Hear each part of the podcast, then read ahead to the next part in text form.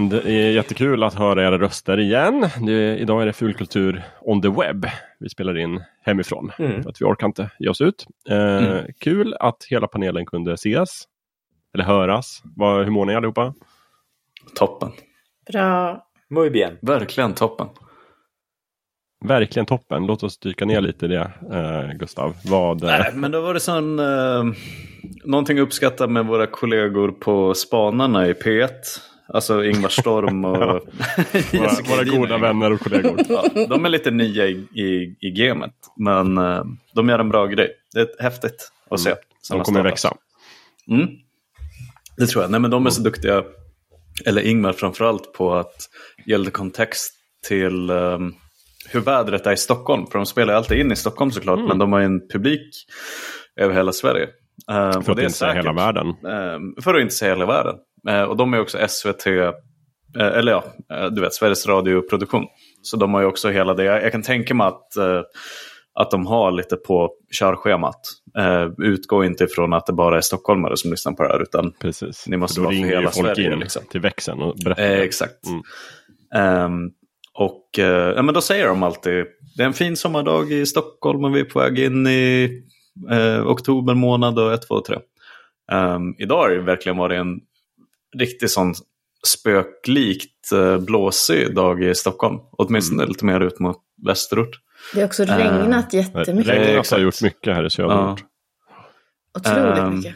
Ja. Men trots det så känner jag verkligen att det var en toppendag. För att det, det känns som att vi precis har gått över från de här höstiga sommardagarna till de somriga höstdagarna. Och idag kanske det var en lite höstig eh, höstdag ja. eh, temporärt. Men, men det är en sån härlig vecka just nu och jag är verkligen en höstvurmare. Mm. Mm. Ja, är vi inte alla det någonstans? Ja, utom, kanske, och... utom kanske du Lövet. Nej vadå, höst, det känns som att hösten passar bra. Ja, men närmar sig julen med stormsteg tänker jag. Jo. Man får ju mycket anledning att sitta inomhus och spela spel. Ja, det är sant. Ja, men, men skulle du säga att hösten är den bästa då, Levet? Ja, det tycker jag. Höst, hösten och våren. För då, då okay. kan det ändå regna en del så man kan sitta in och spela. Men det kan vara vettigt väder också. Ja. Men, men, inte vintern, då kan man också sitta inne. Ja, jo. Men då kommer ju julafton. Allting utom sommaren. men vintern är också väldigt mycket associationer tror jag till jul och, och sådär. Mm. Mm. Mm. Ja. Jag rör mig väldigt lövet. Uh, uh, någonting som vi inte har presenterat tillräckligt mycket i den här podden är ju din inställning till uh, kungahuset och hela den biten av vårt långa land falukorv. Uh, jag rör mig väldigt mycket i um, Gamla stan nu för tiden. Jag hade ju en sån uh, behind the scenes-vy på hela 50-årsfirandet för kungen. Mm. Mycket ur ett så söndag, eh, gå till Systembolaget innan klockan tre och försöka ta mig tillbaka till Gamla stan precis när det ska dra igång. Söndag?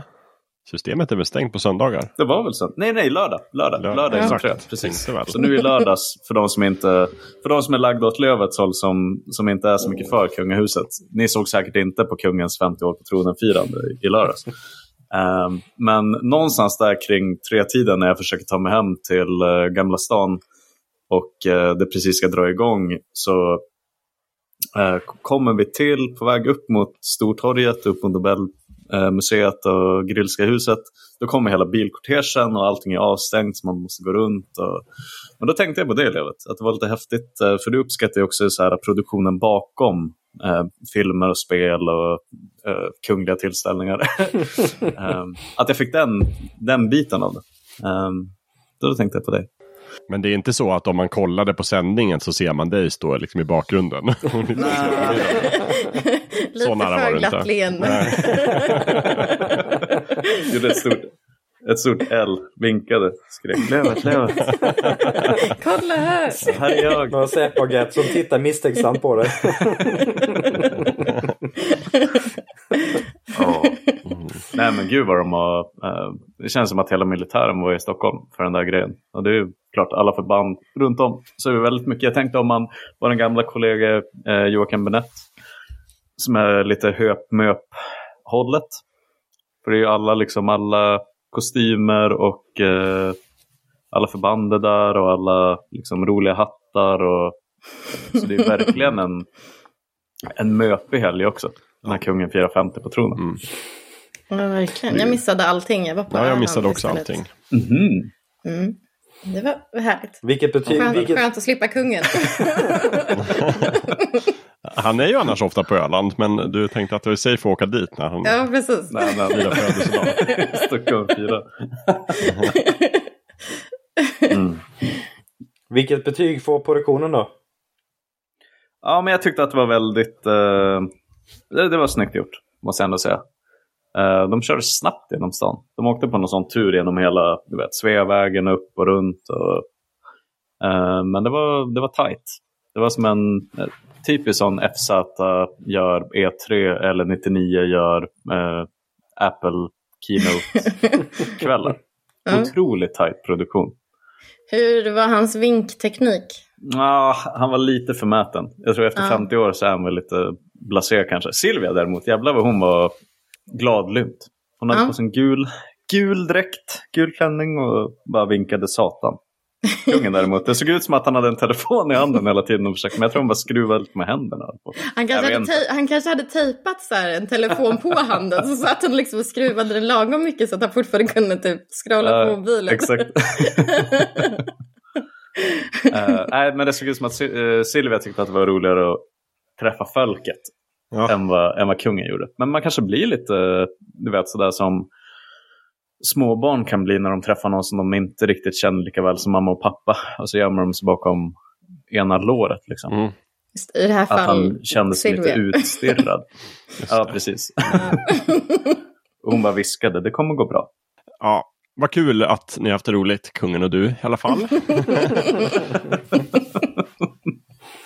Hörrni, vi får ju en hel del mejl hit till podden. Jag tänkte lyfta upp några så här i början ur den stora postsäcken.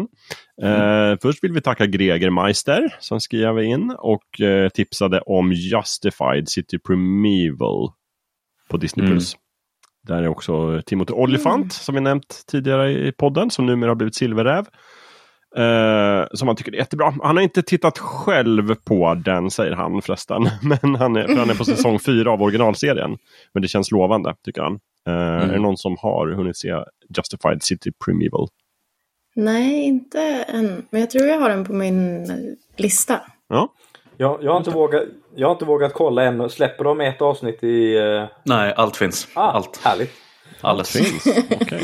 Då så, Då är det Som bara att ge sig på det. Lövet. Ja men eh, jag håller på att kolla igenom uh, Arrested Development med föräldrarna. Men eh, efter det, då jäklar, då blir det den.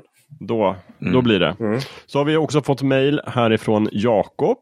Alltså en annan Jakob. Han skriver så här. Hej Fulkultur. Tack för ett bra senaste avsnitt om kompetensporr. En kommentar som slog mig eh, var när ni pratade om Oceans Eleven, Jason Bourne och The Martian. Är att alla har Matt Damon i sig. Frågan är om han inte passar väldigt bra på att spela kompetent och att det grundar sig i att vi alla såg honom för första gången i Goodwill Hunting. Det vill säga vi förknippar honom redan med att vara supersmart.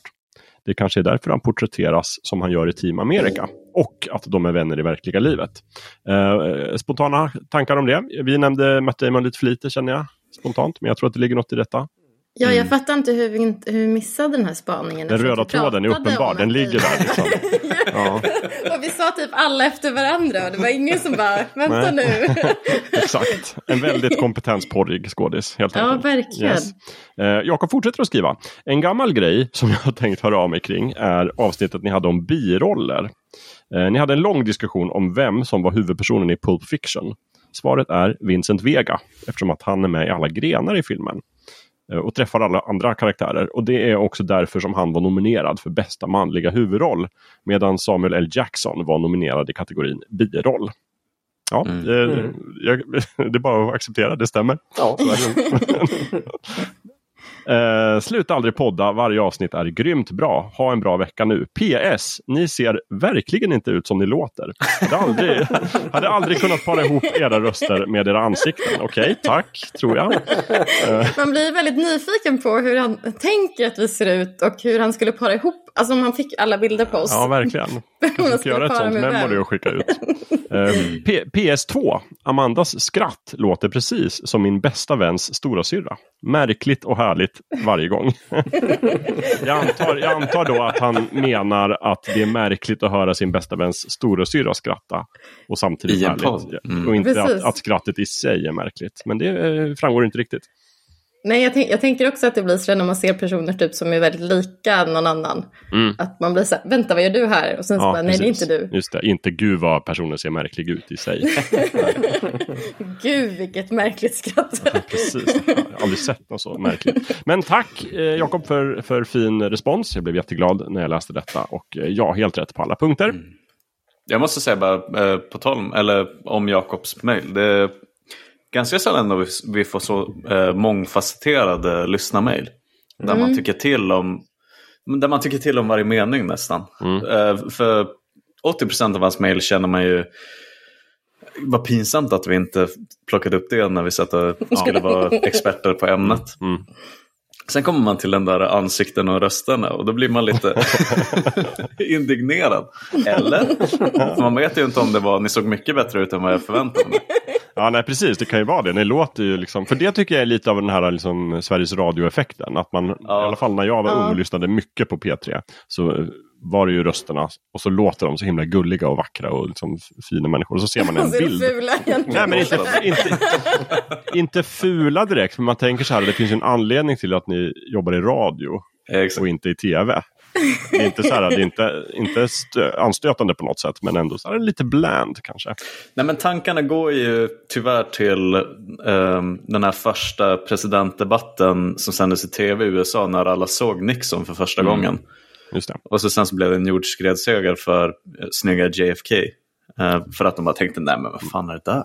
Ja. Han ser jätteosympatisk ut. Just det. Honom kan vi inte ha. Så vi får ju hoppas att Jakob fortsätter lyssna nu efter att han har lyckats fiska fram bilder på... Mm. Um, för annars tänker jag spontant att en, en stor del av lyssnarskalan skadan från tidigare som kommer från ja, men 99 FZ Sveklockerstiden. De har ju sett oss, tänker jag, så många gånger i olika typer av livesändningar på bild och i, i artiklar och sånt där. Oh, men, eh, men det är klart, de här, de här som fångar upp oss i podddjungeln och hittar en podd som heter Fullkultur som pratar om film och tv-spel och böcker och så här. De, ja.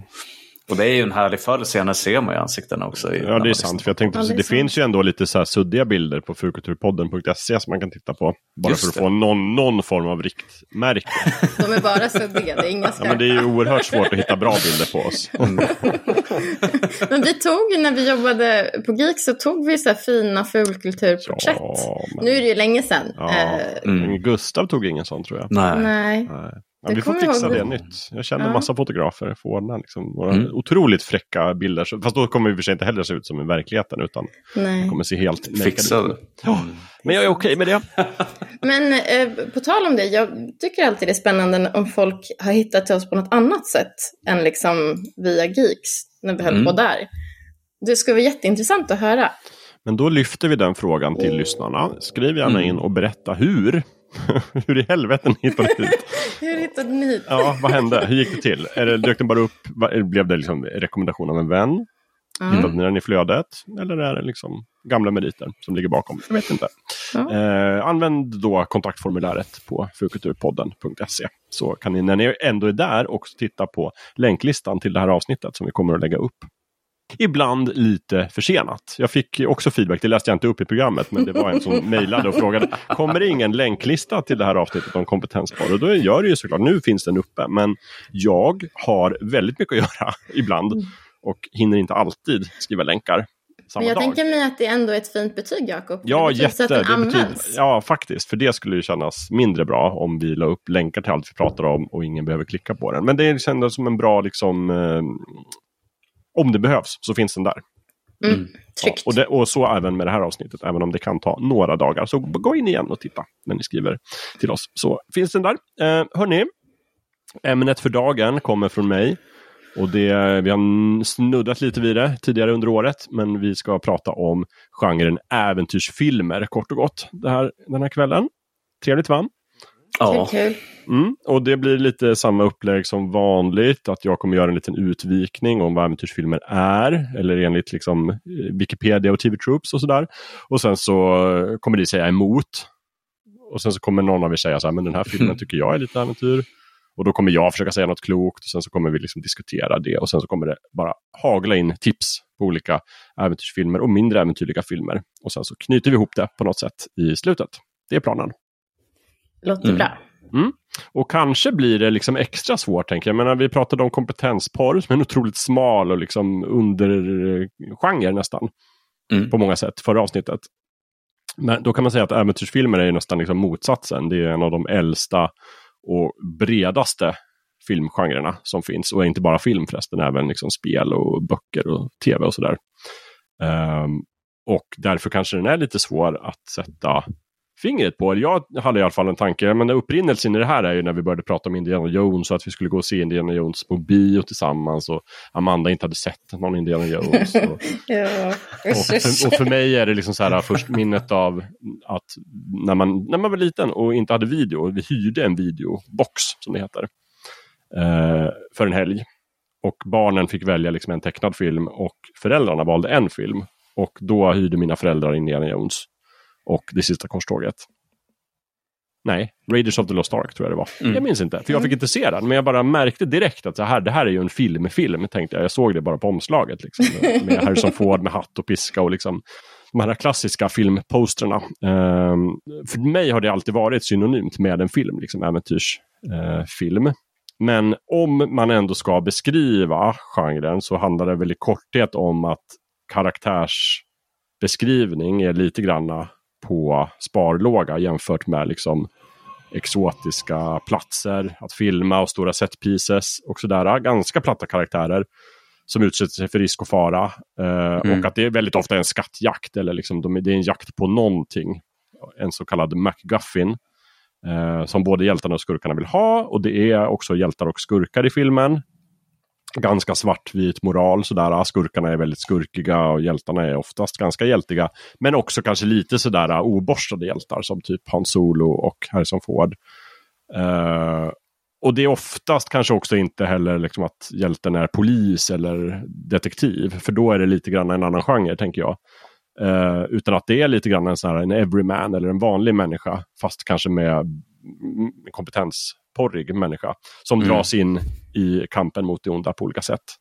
Ja, så tänker jag. Och sen så är det ju såklart äventyrsgenren är ju jättenära besläktad med actiongenren. Men mm. att det mm. kanske är lite mindre våld och biljakter.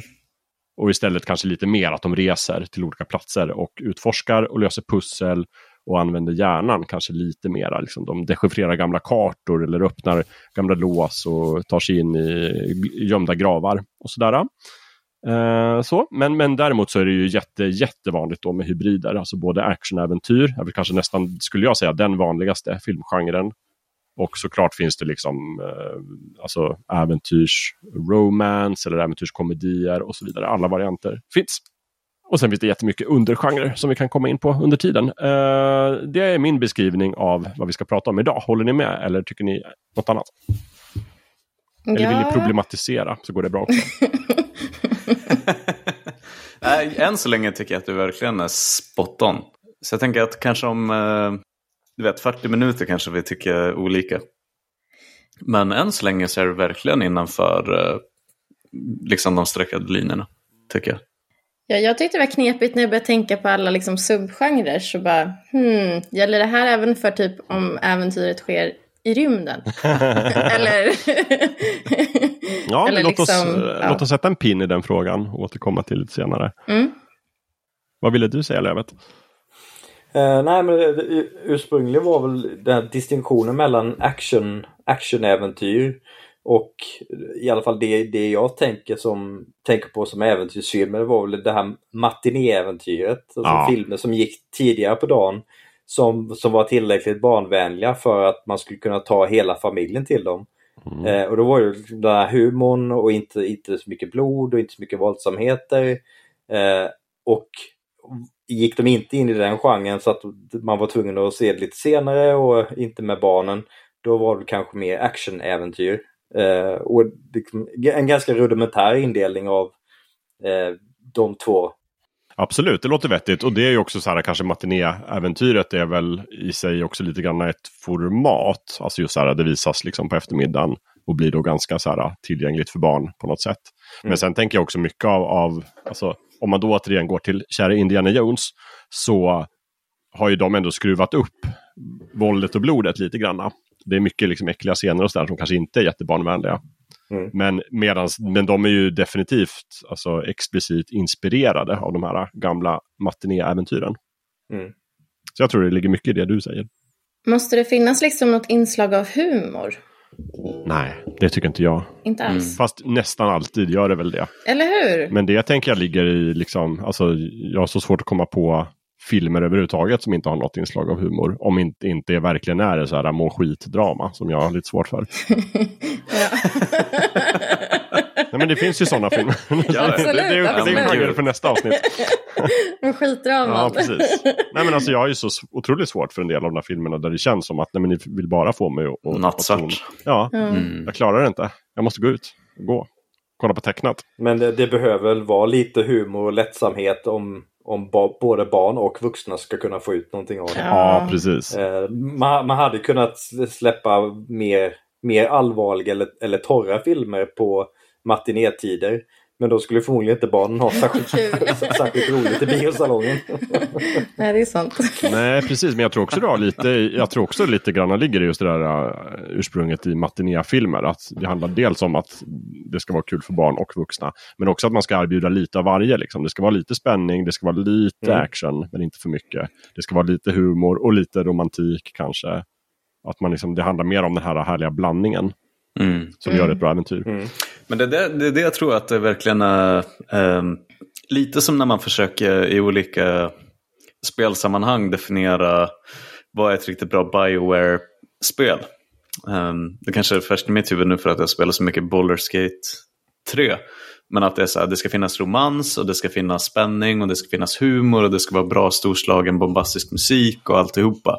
Och det är ju lite så här, det jag tänker när jag tänker Indiana Jones eller andra liksom äventyrs matinéfilmer. Um, och lite som sådana maträtter som verkligen går hem uh, både hos stora och små. Um, bara så här fritera kyckling och mm. sötsursås. Så att det, vill ja. säga, det är någonting milt, det är någonting krispigt, det är någonting sött, surt, salt. Att, att, som du säger Jakob, att det, det, finns lite av allt. Och mm. det, det, blir inte för extremt åt något håll. Det är inte den här det är väldigt beskt eller det är en acquired taste eller det är väldigt mörkt eller mm. för glattigt och, och, dumt. Utan att det är någon skön uh, välavvägd mix liksom. Och, um, och du vet, lättsamt men fortfarande med ett grund, grundläggande allvar. Att vi måste få tag på den här McGuffin-grejen mm. innan nazisterna ja. kommer dit. Mm. Eller den jätterika, skrupelfria eh, samlaren. Ja. Precis. Eller typ också att, att det ska vara, jag tänker mig också att det ska vara någonting som är lite övernaturligt. Jaså? Mm. Eller? Det, jag, jag tänker mig att det finns något inslag av liksom mystik. Eller ja, typ en sägen. Eller alltså så här, det är väl det ofta som brukar vara det som alla vill åt. Så här, ja, alltså du har inte fel. Beroende på vad det är för någonting. Men att det ska vara liksom lite mystiskt eller magiskt på något sätt. Om jag kollar på min lista över exempel som jag kommer att nämna i det här avsnittet så har du ju jätterätt. Nästan alla ja. av dem har ju inslag av, av övernaturligt. Men jag skulle inte säga att det är liksom nödvändigt kanske för genren.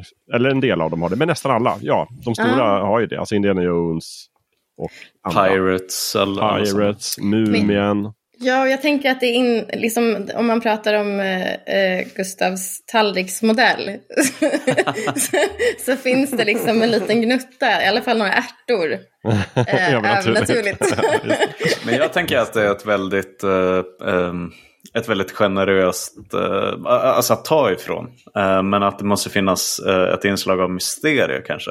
Mm. Och sen kan det vara grundat i lite mer som i National Treasure när det grundas i någon typ av tempelriddar utan att det för den delen är någonting övernaturligt. Men att det ska finnas någonting att dechiffrera eller upptäcka eller att man ska hälla du vet, citronsaft på ett dokument för att få fram den mm. riktiga kartan. Och, Mm. Men att det inte nödvändigtvis behöver vara övernaturligt. Men att det övernaturliga eh, du vet, är, så himla generöst när det kommer till mysteriebiten i den här typen av filmer. Att mm. Kan man slänga in en, mm. en, en myt um, så är det väldigt enkelt att, att det är någon typ av Oden eller Tor eller Jesus eller du vet någon sorts uh, så spöken eller mumier. Att, mm. att, det, att det liksom är mytologi och det, det går ju ofta mot det övernaturliga. Jag tror det är någonting på spåren. Jag tror det handlar mycket om just det här att, att en, en bra äventyrsfilm ska ha lite grann av varje. Och då blir det så här vilken smaksättare ska vi använda? För vi måste ha eh, alltså lite spänning eller mystik. Och då är det så här en jättebra smaksättare för att ge spänning och musik. Det är ju övernaturligt. Spöken eller en mumie eller en, en farlig skatt. Sådär. Mm. Det behöver inte vara det. Det kan vara också en gammal konspiration som i National Treasure. Eller eh, jag vet inte vad. En, hem, en, då, en gömd stad som i Vägen till Eldorado till exempel. Mm. Inte övernaturligt i sig. Eller som i uh, Saboteur. Att uh, mysteriet om vem är det som är den riktiga Just sabotören. Det. Uh, det, det, det är inget mm. övernaturligt i den men den är också en Den har alla övriga komponenter i en mm. äventyrsfilm. Och där mysteriet runt vem det är som faktiskt är den, den skyldiga. Det är det det mystiska även om det inte är något övernaturligt i det. Ja men precis. Men sen eh, några av mina liksom, favoritäventyrsfilmer här har inte egentligen något övernaturligt. Men ändå mycket, ja, men mera kanske av det här eh, konspirationen. Eller liksom någon annan tät plott som gör den spännande. Mm. Eh, men jag vet inte om ni sa det explicit eller om ni bara nästan sa det och jag tänkte där har ni så rätt. Men det här med humorn. Vi sa det antagligen. Förmodligen. Nej, men annars upprepar jag det här så att jag också får låta smart. Att just att det så ofta är humor tänker jag också har att göra med att dels blandningen men också att det är så bra sätt därför att egentligen så är ju nästan de här filmerna otroligt larviga. Mm. Alltså, det är mm. larvigt att liksom leta efter en gömd stad och det är så här otroligt att det här maskineriet skulle funka efter 3000 år. Fast när du stoppar in en glaskula i den här maskinen så öppnas en port. Och alltihopa, det är så otroligt knäppt. Eh, ett sätt att ta udden av det och lite grann blinka åt det, det är att väva in också en del humor. Så att man inte tänker så noga på de här logiska luckorna. Mm. Absolut, kanske också lite det här du var inne på innan om att eh, karaktärerna kanske inte brukar vara de djupaste och eh, liksom fylligaste. Nej, precis. Nej, det är ju inte riktigt en, en karaktärsstudie på det sättet. Och vi ska liksom inte utmana bilden, utan vi, vi rör, jobbar jättemycket med arketyper. Det är liksom ja, men den, den eh, otroligt kompetenta och actionfyllda och driftiga kvinnokaren som också är arkeolog. Som är lite bufflig och liksom lite butter sådär.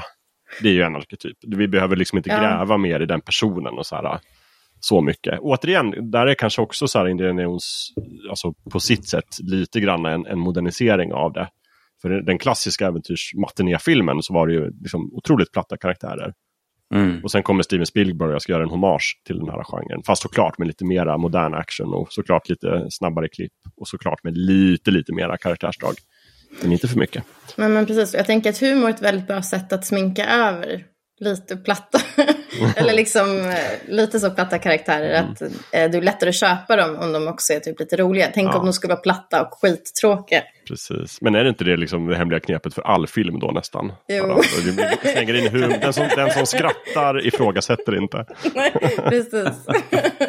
där, där hittar vi det. Ja. Men jag tror också att det är någonting med att, eh, för det finns så mycket och som sagt Jakob, när du säger att, uh, att Indiana Jones, det, det är ju liksom en, det är en hommage till matiné-äventyrsfilmen. Och på samma sätt som att Star Wars är ju liksom en hommage till Flash Gordon och liksom mm. pulpen från långt innan. Men att sen blir det stilbildande i genren. Um, och jag tror att så det är så mycket liksom som kontinuerligt när det gäller äventyrsfilm som handlar om eh, nostalgi och eh, trygghet och komfort. Och jag tror att det är någonting med att de här väldigt kompetenta huvudrollerna, även om de är ganska platta och endimensionella, att det är väldigt tydligt vilka som är goda och vilka som är onda. Och, mm.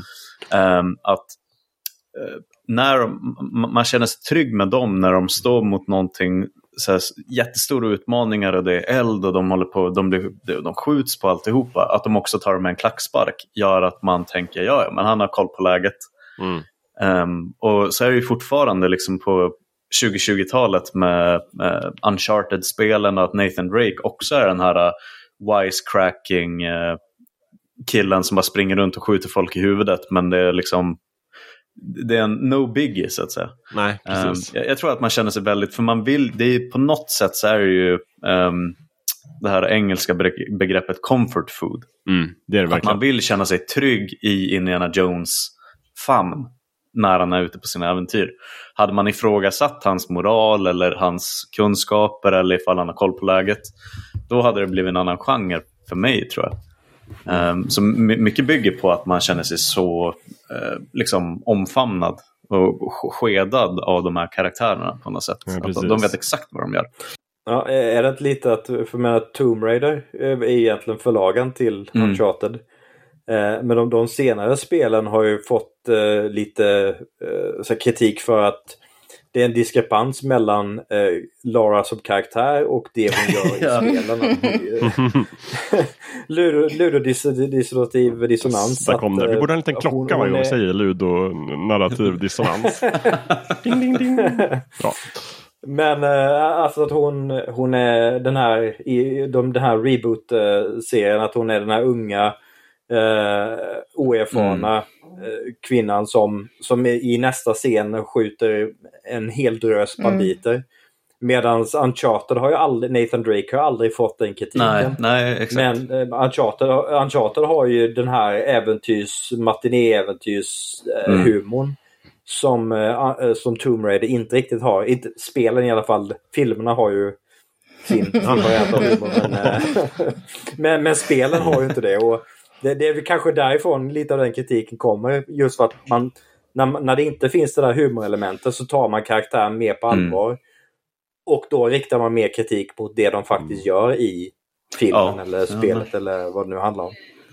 Men det är väl också så här, hon har ju så mycket, eller alltså inte att hon har mycket moral, men hon känns som en person som har någon typ av moralkompass. Eh, på ett helt annat sätt än kanske Drake. Ja, jo. har inte Drake en jo, liten moralkompass? Jo, det har han ju, men han är också väldigt luttrad och han är väl, det, han känns som att han är mer pragmatisk. Det, det, har han, mm. men han gör ju också en resa i de här spelen. Nu har inte jag ja. sett filmen med Tom Holland, men, men eh, jag tyckte ändå att alltså, han, han rör sig han har ju någon sorts ark ändå. Ja, absolut. Um, men jag skulle nästan vilja påstå att det finns ingen genre av spel. För att om, om vi bara om vi tänker filmer nu som vi har pratat väldigt mycket om hittills. Så finns det ingen, eh, det finns ju få filmgenrer som är så icke-problematiska. Du vet, face value. Sen kan man gå in på liksom så här, minst lika endimensionella kvinnoporträtt och liksom att det är väldigt så Eh, platta skurkar och platta huvudpersoner. Men liksom om man bara tittar på det snabbt så finns det ju få filmgenrer som är så oproblematiska som äventyrsfilmer. Att det är verkligen bara, nu ska ni åka på en berg och dalbana och eh, det är härliga karaktärer som ni kommer att tycka om och det kommer att vara lite humor och romans och spänning. Eh, men medan i spelbranschen så finns det nog ing, ingen genre som är så um, faller dit så ofta för begreppet ludonarrativ dissonans som äventyrsspel. Mm. Och den här matiné-rullen. Mm. Att det verkligen är, spelet säger att det finns en achievement ifall du klarar igenom den här passagen omärkt genom att skjuta alla fiender i huvudet som att du är en special, du vet, kommandosoldat. Men sen så fort det blir en mellansekvens efteråt, då är det otroligt liksom um, brådallvarligt av att du har fått en sticka i foten på något sätt. Och att vi absolut inte kan göra någonting, någonting våldsamt.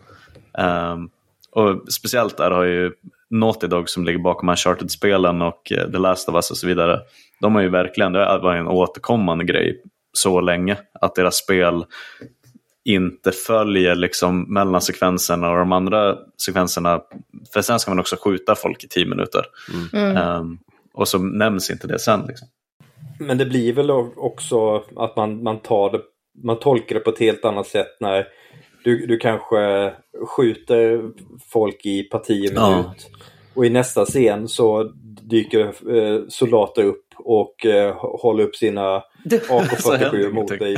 Vi, vi, och så, och så, så står det där, nej, åh nej, de har det på kommit och jag stå här. Trots att de har stått och peppat dig eh, de senaste här, 20 minuterna.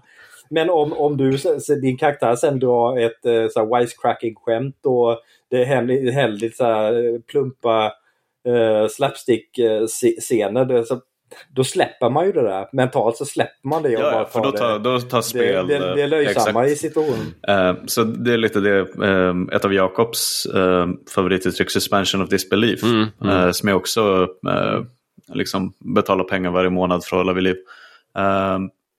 så gör man ju verkligen det. Man har en spelhjärna och så har man en narrativ filmhjärna. Och så sen så får de samspela. Liksom. Mm. Och så sen måste jag bara supersnabbt säga innan vi går vidare att innan någon som lyssnar börjar författa ett läsarmail så du vet, när vi ändå är inne på Spielberg och eh, George Lucas och gänget så finns det också en hel drös med peka och klicka-äventyr signerade LucasArts med flera där äventyrsgenren verkligen gifte sig med spelmediet. Eh, ja. Där det inte är några inslag av ludonarrativ dissonans eller actionsekvenser där det borde vara någonting annat. Um, där det verkligen så här, det finns ingen filmgenre som har lämpat sig så bra för spel som peka och klicka möter äventyrsgenren. Mm. Um, och där är inte bara Indiana Jones och Fate of Atlantis utan det är ju liksom Monkey Island-spelen och Ron Gilbert och Schaffer och hela gänget som verkligen mm. har satt sin odödliga prägel på spelbranschen via äventyrs och swashbuckler etc. genre från, från film och böcker. Um, så det finns ju både och, men du vet, speciellt den här cineastiska eh, narrativt drivna actionspelen från 2005 och framåt har ju verkligen haft den. Det finns ett spel och så finns en film och så ska de gifta sig med varandra och det blir inte alltid hundraprocentigt kanske. Så får man bara köpa det. Nej, precis. Men är också inte det lite alltid, alltså jag tänker på ännu äldre så här, speltolkningar av film. Där det, liksom, det kan vara vilken film som helst, alltså typ Tillbaka till framtiden. Men ska mm. man göra ett spel på det så måste han ha en pistol och kunna skjuta. Liksom, annars, vad ska vi annars göra spelet på? Eller det måste bli ett, liksom, om det inte får skjuta då ska det vara ett plattformsspel som man ska hoppa på så här flygande plattformar av någon anledning. Och liksom, mm. de, de jobbade med liksom en ganska liten verktygslåda förr i tiden. Och sen så upptäckte de så här, oj 3D-grafik, nu kan vi äntligen, nu kan vi göra den här liksom storslagna eh, äventyrsresan som vi vill göra. Men de är fortfarande ganska fast i liksom, ja, vi måste också skjuta ganska mycket. Mm. Men det känns ju som att vi fortfarande, eller så här, just det här med alltså, vad ska ett äventyrsspel vara och att det typ alltid innefattar rätt mycket skjutande. Mm. Um, men egentligen, men, och det känns som att det lätt blir, eller man blir så här, vad ska de göra om de inte mm. skjuter? Mm. vad ska man göra då? exakt. men då tänker jag lite på typ som så här, uh, de som gjorde Heavy Rain. Ja men uh, exakt. Och den här, vad heter den, Beyond Two mm. Souls. Uh, men det blir ju också lite, man kan ju inte spela för många sådana spel på rad. Nej. För det blir inte så roligt. Ja men så är det ju. Och det är ju den, jag ser ju Heavy Rain, nu har inte jag spelat Beyond Two Souls, men jag ser ju Heavy Rain som väldigt mycket en, liksom en modern variant av de här äh, äventyrsspelen som Gustav var, nämnde. Alltså peka, gamla peka och klicka mm. spel och sånt. Det är mycket den genren. Inte så mycket våld eller actionsekvenser. Men väldigt mycket liksom problemlösning och utforskande. Ja men precis, så blir det någon typ av våld så brukar det ju ändå vara väldigt, väldigt kontrollerat mm. av vad, så här, vad skulle hända den här karaktären, hur skulle den bete mm. sig. Och så är det typ så här, hur duktig var du på att ducka eller inte? Slaget kom. det är liksom lite det som... som... Kan du trycka fyrkant när det gällde? ja, precis. Det är väl, det är väl lite svårt att liksom tolka om just här, om, om, en, om en klassisk äventyrsfilm eller tv-serie eller bok har liksom så här ganska, inte minimalt men ändå mindre våld och väldigt så här selektivt våld. Så är det svårt att göra om det till spel. För då blir det ju en sån här quick time event. Då är det så här, bara nu händer en actionsekvens dags för dig att trycka Q fort nu. Aj, du missade. Så, det blir inte så interaktivt mm. eller kul. Då är det ju det enda man kan göra då är så här, okay, men vi ger spelaren, vi ger spelkaraktären en pistol och sen så kan du skjuta när som helst. Då känner jag att jag kan påverka världen. Och det finns ju moderna spel som jag tycker gör jättemycket. Alltså jag tycker på ditt älskade Cyberpunk till exempel, Gustav. Mm. Som ju kanske inte är ett äventyrsspel, det är väl mer ett rollspel. Men ja, actionbetonat action, rollspel. Actionbetonat rollspel. Säga. Det är ju ett första persons shooter-spel. Ja, men ska jag säga ett spel. Jag är nästan klar med det spelet. Mm. Fast nu har jag en paus och väntar på expansionen. Men jag har, tycker ändå att jag har våldat minimalt i det spelet. Mm. Och, ja, det, kändes, kan, och det kändes eh, meningsfullt. Mm. Verkligen. Um, men oh, jag vet inte Amanda om du har sett den. Uh, för Heavy Rain som sagt, Quantic Dream. Uh, Den här galna mm. fransmannen som jag glömmer namnet på, David Cage. Um, Just det. Det finns ju du vet, sådana Let's Play-serier på YouTube av deras spel när folk medvetet lägger ner kontrollen varje gång det är en sån quicktime sekvens när man ska klicka på time och klicka på fyrkant och trekant. Och, det måste gå så dåligt. Um, och det blir så tydligt när man tittar på en sån genomspelning av Heavy Rain när, när folk medvetet ser till att allting går åt helvete. um, ja. Att så mycket av speldesignen och handlingen bygger ju på att man, uh, man kan inte hjälpa det. Man måste trycka och försöka vara duktig. Um, inte ja. bara för att man spelar ett spel men för att man känner att så här, annars kommer jag misslyckas här. Um, så det finns någon sekvens i Heavy Rain när man ska jaga någon genom en uh, supermarket. Jaga dem genom Hemköp. Mm. Mm. Uh, om man lägger ner kontrollen då, då snubblar de ju på varje jävla tomatburk och frostispaket. Och det ser mm. så pajigt ut. Så det blir ju bara komiskt av det. Det blir inte, för Heavy Rain är ett väldigt um, tar sig ju själv på ganska stort allvar. Ja. Det är ju verkligen den här, Absolut. skulle vara en flaggskeppstitel för Playstation 3 och det var en mörk historia om en mördare och du vet, barn som blir kidnappade, alltihopa. Mm. Um, mogna sexscener, det var mycket sådana du vet, rubriker back in the days där kring 2006. Var det mogna inom citationstecken eller var det mogna? så nu, har, nu har spelbranschen äntligen lärt sig att göra vuxna sexscener okay, okay. spel. Um, vet inte fan om de var där då. Men, eh, men att det blir så pajigt och, och bara rakt upp och ner slapstick-komedi när man låter sådana spel som ska vara väldigt cinematiska spela sig själva. Liksom. Just i den mm. genren, liksom Quantic Dream-stråket.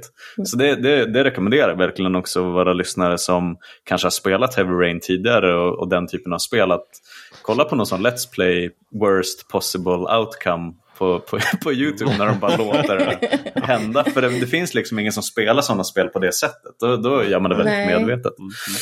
Nej, det är ju liksom emot hela eh, liksom, kroppen på något Exakt. vis. Um, men det där kan ju också vara så här att man inte, alltså de fick ju också känna som att så här, du du bestämmer, dina val kommer påverka historien. Mm. Men man fattar också så här, det gör ju inte det så mycket.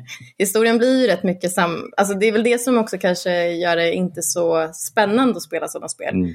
För när jag spelade Heavy Rain så eh, spelade mitt ex där före mig. Så jag fick reda på vem, vem, liksom, vem mördaren var. Mm. Eh, och då försökte jag spela så att eh, den personen inte skulle lyckas. Det gick Nej, det ju inte. inte. Nej. Hur jag än gjorde så lyckades den. det liksom kunde snubbla på varenda tomatburk. lyckades ändå. Ja. Nej. Men jag är inte heller säker då kanske på att om vi pratar just äventyrsgenren. Att den typen av spel där de lovar att man ska kunna påverka handlingen. Det kanske inte är den bästa för just äventyrs. För som du sa Gustav, äventyrs... Mm genren ska vara någonting så här, ganska tryggt och mycket så här comfort food. Då mm. kanske snarare det vi vill ha, kanske snarare en berättelse där vi vet att mördaren åker fast och vi vill ha liksom någon form av fast, fasta ramar. Eller? Ja, och jag tänker att även om man vet exakt var liksom eh, arken ligger i Raiders of the Lost Ark. Så när man tittar om, när man kollar om den filmen igen så är det inte som att man vill snabbspola och försöka du vet, tala in genom tv-rutan till Harrison Ford och säga att åk dit. Um, för att det, det faller inte på att man vet vad som döljer sig bakom pusslet på något sätt. Utan Nej, det, det är väldigt mycket är spänningen, äventyret, ja. romantiken, slapsticken, alltihopa. Ja, det är väldigt mycket en genre där resan är målet någonstans. Ja, men exakt. Mm. Så, det, så det blir ju inte riktigt den där... Uh, alltså du vet, typiskt sådana filmer som The Usual Suspects har ju två riktigt bra uh, genomtittningar. För att först så vet man inte vad twisten är och så sen så tittar man igen och då kan man plocka upp alla all, alla små flörtar och, och hints på vägen. Mm. Um, medan äh, äventyrsfilmer tycker jag verkligen är en genre där man kan titta om och titta om och titta om igen.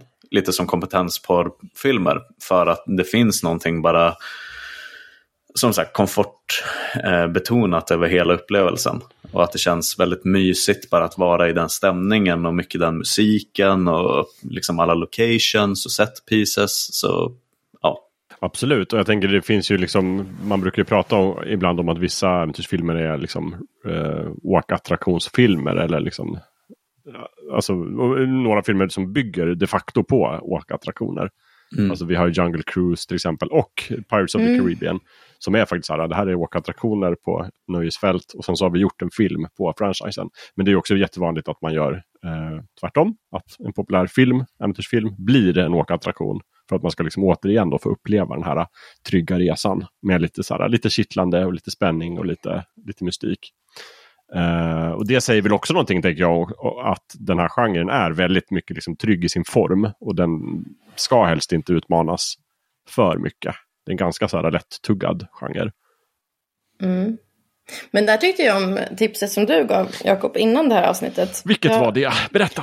Uh, The Lost City. Just det, och det har jag pratat uh, tidigare om i Fulkultur också. Uh, mm, men, jag, uh, jag, gjorde min läxa och såg den nu precis innan. Åh, bra! Vadå nu innan? Precis innan? ja, precis innan. Jag började typ vid klockan fem, fyra, fem. Oj, oj, oj. Så eftertexterna rullar fortfarande alltså? Ja, precis. Mm. Men, och den tyckte jag, där lekte de ju verkligen med genren. Eh, exakt, ja det var ju därför jag tipsade om den också. För jag tycker dels är det ju en, en väldigt så här, kärleksfull parodi på konceptet äventyrsfilmer. Samtidigt som det också är en äventyrsfilm. Ja men precis, och att den var liksom både meta och rätt mycket, väldigt mycket med glimten i ögat och liksom eh, tyckte det var roligt där, de, där han hade tagit med sig ett par skor till henne. Ja. Så att hon inte fick gå från ett par jättehögklackade till ett par lite mindre högklackade. Just det. oh.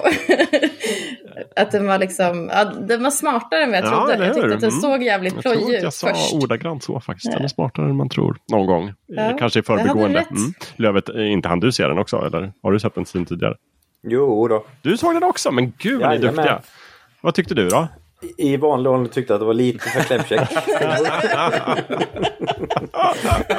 men, eh, men, men Sa Sa Sandra Bullock, man kan ju inte undgå att bli skärmad av henne. Det, är, det är ju faktiskt helt omöjligt. Nej, hon är ju eh, fantastisk. Ja, och ja, det, det, den är ju välskådespelad och snyggt gjord och den har bra tempo. Eh, även om jag tycker att det blir lite pajigt emellanåt så är det ändå skön humor skulle jag mm. säga. Så att, eh, jag gillar den överlag. Det gör jag. Men var det inte väldigt tråkigt att Brad Pitt fick, eller liksom, jag vet inte. det var för kort, kort men gott kanske. jag skulle precis fråga om, om ni utan att spoila, men det kanske blir en spoiler. Jag ser att den är en timme och 52 minuter. Hur många minuter Brad Pitt är Ja, det vill inte jag uttala om. Jag är lite orolig att det bara är sex minuter, typ. kanske sju. Ja. ja men jag, jag, jag, tycker, jag tycker inte vi ska spoila filmen. Jag, eh, har du inte sett den, Gustav? Nej, jag vill se den. Jag, jag hann inte med, tyvärr. Ja, Okej, okay. ja. ja, just det. Uh, nej, men uh, jag skulle rekommendera mm. den till folk som gillar äventyrsfilmer och som gillar ett gott skratt och som gillar Sandra Bullock. Det är väl alla men också, i den ordningen, och, Nej, men för, mm. nej, för grejen är, jag har, Inte nej, du? jag har haft så himla svårt för Sandra ah, Bullock. Va? Ja, alltså verkligen så att jag typ så här, har lite svårt att se filmer som hon är med i. och, så, och så har ni liksom pratat så otroligt gott om henne så jag har liksom typ inte vågat säga någonting. Hon är så jag är så här nära att trycka på stopp här. Men jag måste säga att den här filmen fick mig att känna så här, kanske har varit lite för hård. Hon är rätt rolig ändå. Jag, är helt, jag, jag, jag tappar andan, jag har inget att säga. Hur kan du säga något sånt om Sandra Bullock? Ja, nej, ja, så. Ah. Men det är som, eh, jag gillar inte Tom Cruise heller. Jag har... det, är som att du, det är som att du vill provocera med flit. Mm. Ja. Senast Indiana Jones var det bästa och Sandra Bullock är inte rolig. Jag, jag inte nu måste jag säga att jag ändrade lite år Jag har inte hört Jakob så här förvånad över någonting fullkulturellt sen Lövet kom in till jobbet en dag och sa att han verkligen inte tyckte om Bumblebee. Då var du också ja, otroligt äh, chockad i en vecka. Ja, men fast nej, det var inte samma chock för då hade inte jag sett Bumblebee. Mm. Utan chocken kom ju efterhand när jag såg Bumblebee och tänkte det här är ju en riktigt bra film. Alltså, en riktigt mysig rulle. men jag är liksom inte chockad när Lövet säger konstiga saker som man inte gillar. Men när jag säger så jag, nej, men Jag trodde ändå att om det fanns någonting du gillade Amanda så är det liksom mysiga, klämkäcka, charmiga skådisar som gör feelgood ja, på ett bra sätt. Jo. Och så, så, kommer du och säger att du är en Sandra Bullock-hater. Ja. förlåt, nu måste jag verkligen Amanda, bara i 30 sekunder förhöra dig. Ja. Den som på svenska fast fortfarande på engelska heter Miss Secret Agent. Missing Congeniality. Yes. yes. Uh, yeah. 1 till 10. Um, sexa okay. kanske? Um, The Proposal med Ryan Reynolds. Åh oh, gud. Ja, nej. Ja, ja, ja. med 10, 10, 10, 10. Antar Kan, ja, nej jag är inte helt säker. Nej, jag är också förvånad. Jag är det är som Jakob nu. The Proposal är nio ja. för mig. Nio av tio. Men det är för att jag undvikit filmer som hon är med i. För att jag tycker att hon jag är störig. Jag tror att du har en ny, ny läxa coming up. Ja, jag, jag hör ju det. De här, eh, vad heter Jojo-kvinnornas hemlighet eller någonting. Den var hon med i. vad, vad heter alltså, hon, har, hon har gjort jättemycket film. Jo, jo, det har hon ju. Men den var ju också larvig. Speed har vi pratat ja, om. Det, nej, ja. Fast där, men du älskar ju Keanu Reeves va? Ja, jo det gör jag. Ja, mm. absolut. Det verkar, det verkar Amandas katt också. ja, Keanu Reeves. Att du har lika fel som vi just han är, han, är, han är bäst, han är bäst. det, det är Selma som går ut på balkongen, men jag har stängt balkongen för det är så kallt. Jag, tror, Jacob, jag skulle säga så här att ditt fullkulturmål för egentligen resten av 2023 och hela 2024 ger att få Amanda att se och tycka om nätet från 95. Åh, oh, den nät. Älskar det. För det kan nog vara en av, de mera, mm. en av de svårare filmerna att få Amanda att hoppa på Sandra Bullock-tåget. För att den är lite mm. daterad. Speciellt eftersom att ni jobbar med internet varje dag. Ja. Men vadå, den, är, den håller väl? Det var en ganska bra beskrivning av nätet. Um.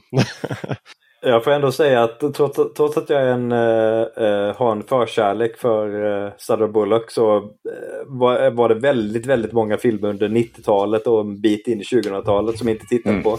När hon hade sin romantiska filmera. Eh, vilket inte riktigt eh, passar min filmsmak. Men jag, jag gillar fortfarande henne, hon, henne som skådespelare, bara att jag, jag tittar inte på de filmerna. mm. Så det, det, är nog väldigt många Sandra Bullock-filmer jag inte sett. Så, eh, Amanda, jag måste bara säga det att eh, Jojo-flickorna är såklart Ja-Ja-flickorna. Ja-Ja-flickorna, just det. ja, ja, jo, jo. men det är inte där det finns ett par hemliga jeans. Det är någon, an, det är någon annan. Nej, men det är Sisterhood of Traveling Pants. Så det här är The Divine Nej. Secrets of the Yaya Sisterhood. Just det. Mm. Just det, den tror jag gick och såg på bio med mamma. men Amanda, du och jag var ju och såg Gravity på bio. Ja, jag vet, men jag, då sa jag 2013. inget. Nej, du sa ingenting. Jag bara så här, här sitter en person som liksom jag älskar Sandra Bullock. Trodde du och så satt ja. du egentligen och kokade och bara så här, oh. Am Amanda älskar gravitation. Du hade helt missuppfattat ja. varför hon var... Gravitation och George Clooney men hatar Bullock. Precis, jag gillar George Clooney. ja. Men hon är en av flera så gamla favoriter som har fått en liten uh, återuppståndelse nu mm. på senare år. Eller Varit med i många bra filmer mm. som uh, gör mig väldigt glad. Ja, och det trodde man någonstans inte när man såg Demolition Man. Då tänkte man inte så här, liksom 2023, då kommer vi sitta här och prata i en podd om hur bra mm. Sandra Bullock är. Nu känns det ju självklart. Men det gör vi. Nu För tre i alla fall, eller ja, två i den här podden. Ja. Ja. Men jag slänger in ett annat namn då från The Lost City. Vad tycker ni om Daniel Radcliffes insats? Alltså jag, jag, jag tycker den, den karaktären passar den sortens uh, humoristisk äventyrsfilm. Mm. Jag, jag har ju sett att han har fått kritik för att, hans, att den karaktären känns eh, plojig eller, eller eh, dålig. Men jag tycker det, den passar ju ändå vilken typ av film det är. Hade det varit ja. en mer allvarlig äventyrsfilm, ja då hade den inte passat. Men det är det ju inte. Nej, jag tänker också det. Det är lite som så här, mamma jag får inte leka med leksakerna. Mm. Alltså, men det hör ju också genren till lite. Det är inte som att man kan liksom mm. säga så här, nej men det där är för plojigt. Men hela genren är ploj. Alltså det är, mm. det är lite premissen för genren på en vis. Alltså inledningen av filmen borde jag för, förklarat för dig att det här är inte en allvarlig film. Precis. Jag tycker det var ett genidrag att casta Daniel Radcliffe. I alla fall i den rollen. Mm. Jag tycker han passar jättebra. Så, då blir din läxa Gustav att se ja, den här filmen. Ja. Innan vi förstör den för dig. Och min blir då att börja tycka om Sandra Bullock. Ja. ja, det är ingen läxa. Det kan vi inte tvinga dig till. Men däremot kanske ändå Sara ger ett ärligt försök. Ja. Mm. Så, börja kolla på The Net. Yes. Ska vi lyfta upp en annan franchise då, som jag vet att du gillar Amanda? Mm. Numien. Ja, oh. ja, om jag gillar den. Vad har vi för känslor? varma Alla. känslor. I alla, fall för, I alla fall första filmen. Sen kanske det går ut för... för Mumien är ju så här, det är ju en gammal liksom beprövad äventyrsfilmserie. Den första kom väl 1932 eller sånt där kom jag. Men sen just det vi pratar om nu i första hand är ju kanske den här revival serien som var den första kom, var det 99? Något sånt. Med, med vår favorit mm. Brendan. Brendan Fraser. Mm. Mm. För jag såg den på bio och då kändes det verkligen som att åh vad kul att, att man börjar göra äventyrsfilmer igen. Ja men för visst var det lite så som ett startskott för en ny era av liksom äventyrsfilmer? Ja, jag vet inte, men det kändes så i alla fall. För det var så otroligt mycket där tidigt 90-tal, eller för den delen sent 90-tal, så var det liksom filmer, det var otroligt mycket actionfilmer. Och ofta då så kallat smarta actionfilmer. Och sen pikade väl det med liksom The Matrix 99 också. Just det. Som jag vet i och för sig inte nu när jag sitter och säger det. Om den, jag, jag skulle säga att det är mer en actionäventyr. Ja, oh, gud. Ja. Med stort fokus jag skulle, inte, jag skulle aldrig kalla Matrix för en äventyrsfilm. Uh, aldrig. Never ever. Matrix är Matrix. Um, mm. Men ja, nej. Håller med. Och det är action eller sci-fi. Det är ju absolut inte en, en typisk äventyrsfilm. Ja men precis. Sen finns det sci-fi-filmer som är äventyrsfilmer men det är ju en, en annan mm, mm, bit. Mm, men, äh, men jag håller med. Mm. Född 94 så var jag otroligt uh, medveten där 99 och branschens vingslag. Men var det, var det liksom i samma veva som Mumien kom som Zorro kom? Zorro är 98. Med, Anto oh. med Antonio Banderas? Ja, det var, det var väl året innan då. då. Ja. Tror du? För det kändes ju också som att, det känns som att de är liksom samma det är lite samma skrot och korn. Typ på något sätt. Zorro är ju, skulle jag säga, en, en väldigt klassisk äventyrsfranchise. Ja. Uh, jag kanske inte tycker att filmen med Antonio Banderas är den bästa. så bra, så bra! Men jag förstår, jag förstår ju att ni 90-talskids tycker det. Ja. När han red där på två, två hästar och så hade han varsitt ja, ben på vardera häst. Det, det gjorde han redan i den svartvita tv-serien som gick i Disney-dags när jag var liten. Så det är inget nytt. Men visst, absolut. Jakob, vill du lära dig någonting jättespännande om Zorro-filmerna? Ja, gärna. För vi hade ju det här avsnittet om uh, eh, 007. Jag tänkte bara flika in det lite snabbt. Att uh, för Antonio Banderas-filmen är en Martin Campbell-produktion. Um, så mm hör och öppnar. 95 så gör Martin Campbell Goldeneye, vilket klassas som en av de bästa Bond-rullarna med Pierce Brosnan mm. och Isabella Scorupco för den delen. Um, sen mm. nästa film, tre år senare, 98, är The Mask of Sorrow.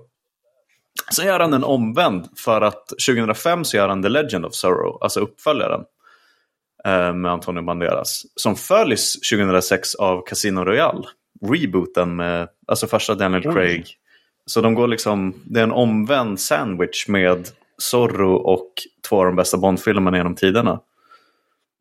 Uh, hos Martin Campbell. Det är lite spännande ändå, tycker mm. jag.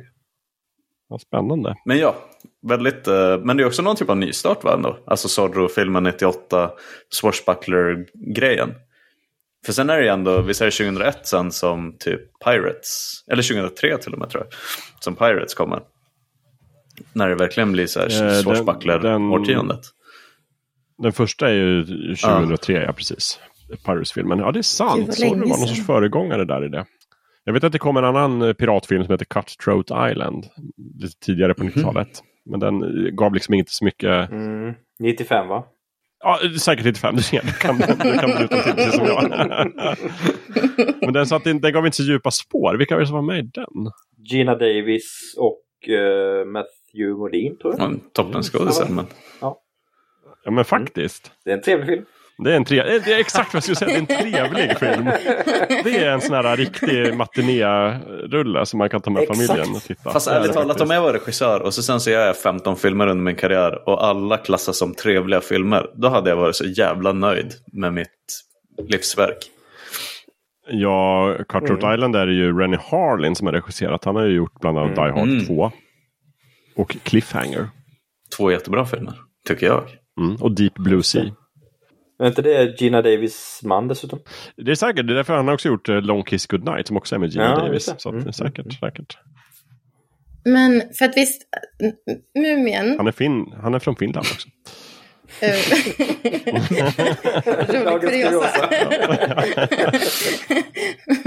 Men jag tänker så här, Mumien gav oss ju också spin-offen Scorpion King. Mm. mm. Otroligt. Ja, en av världens sämsta filmer. ja, den har mycket att älska. Men då var det inte i den filmen, eller det var liksom med det som typ The Rock slog igenom eh, mm, liksom jo. filmmässigt. Eh, och sen så känns det som att han har liksom blivit typ äventyrssnubben. Mm. Han är med så många. Ja. Eh. Han är ju med i de här... Eh, nej, det, jo, jo, det är i den andra Journey to uh, Center of Earth. Fast det, eller Journey 2 eller vad det är. eh, där, uppföljaren till uh, den här Brendan Fraser äventyrsfilmen uh, Journey to the Center of Earth mm. eller vad man heter. Eh, då var ju The Rock med i uppföljaren. Då tänkte jag bara, ah, det här kan ju omöjligt bli bra. Men ja, The Rock-magin. Ja. Båda de filmerna är bra. Jaha, är det sant? Ja. Vadå, du väntar nu, bara så att jag vet vad jag ska se. Är det Journey to the Center of, of the Earth från 2008? Det är den med Brendan. Exakt. Det är den med Brendan. Jag ser det här, Brendan Fraser. Och sen Journey, jag tror den heter Journey 2 och... The Mysterious Island. Ja, exakt. Det, det, det, finns två titlar på den, men uh, den kan kallas båda.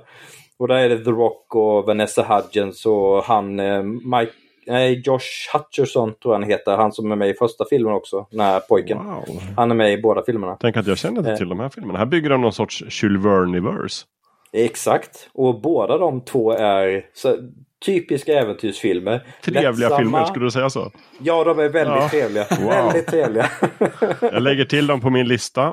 I detta de, har, de har humor, de har eh, det äventyrliga, de har lite, lite av det här övernaturliga. Ja, eh, spektakulära. Ja, det också. Det också. Ja, inte för mycket våld.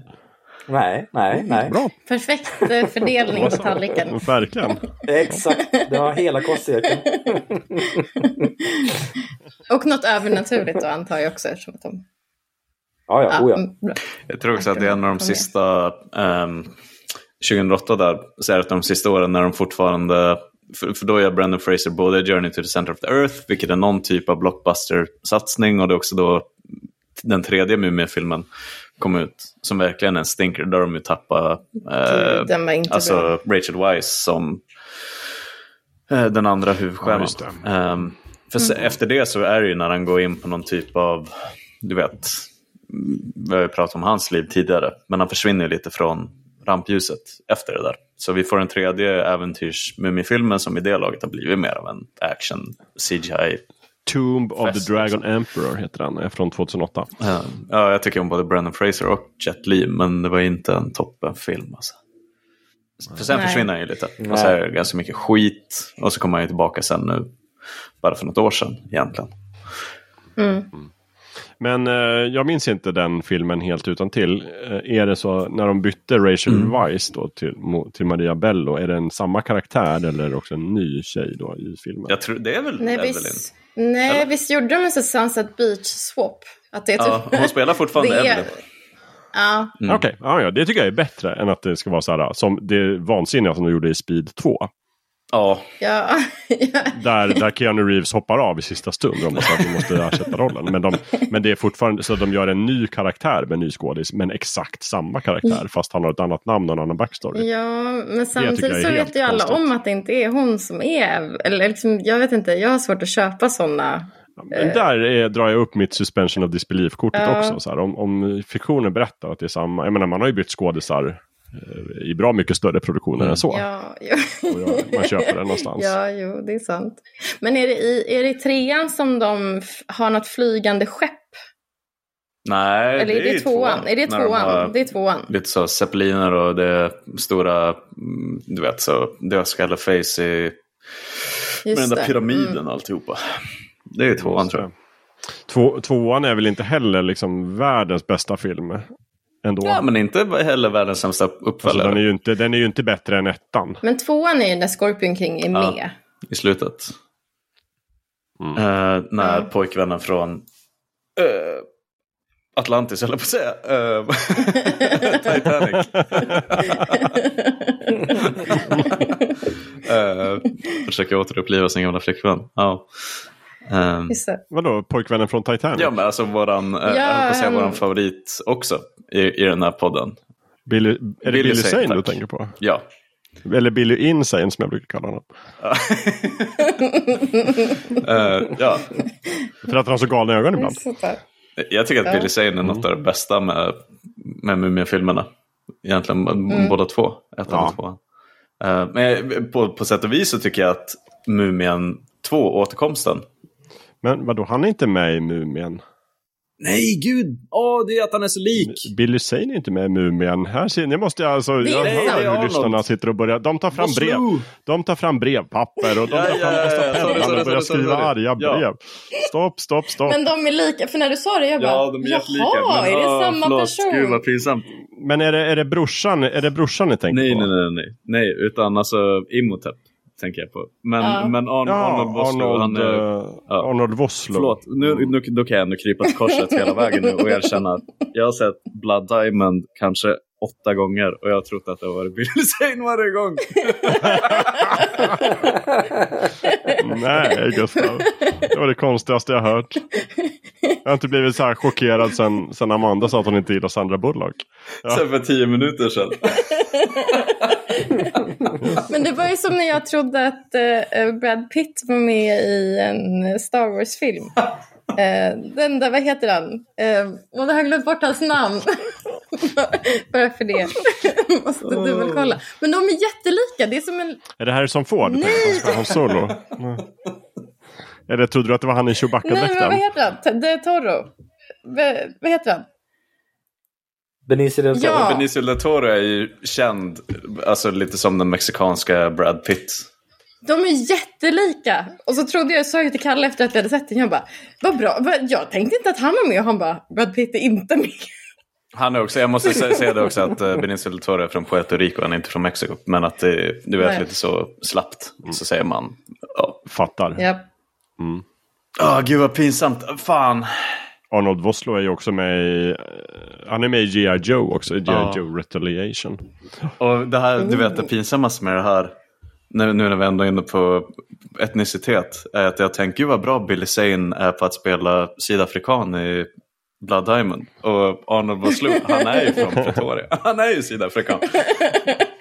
Men hörni, ska jag, ska jag berätta vad det står på Wikipedia om, på Arnold Vosloos hemsida?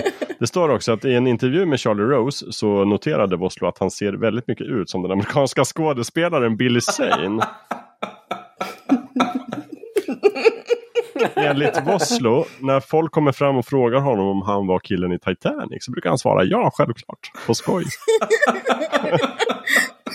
Då skulle jag ändå säga att du är ursäktad Gustav. Oh, nej, nej jag fan, tycker inte nej, det. Det är så jävla pinsamt. Jag, läser, jag ber om ursäkt. Framförallt till Jakob. Ja, alltså, jag, ah. jag har gjort mina synder i den här podden, det ska gudarna veta. Så att... Ja, men det är därför man poddar också. Så får man, du vet, bli bättre. Ja. Vad, vad, har vi på Pirates of the Caribbean då? Om vi lämnar Mumien bakom oss. Det tycker jag också är en, sån här, en av de här revival-filmerna som ja. sen blev kanske sämre och sämre för varje ny. Hur många finns det nu? Eh, vad är du uppe i? Fem va? Herregud.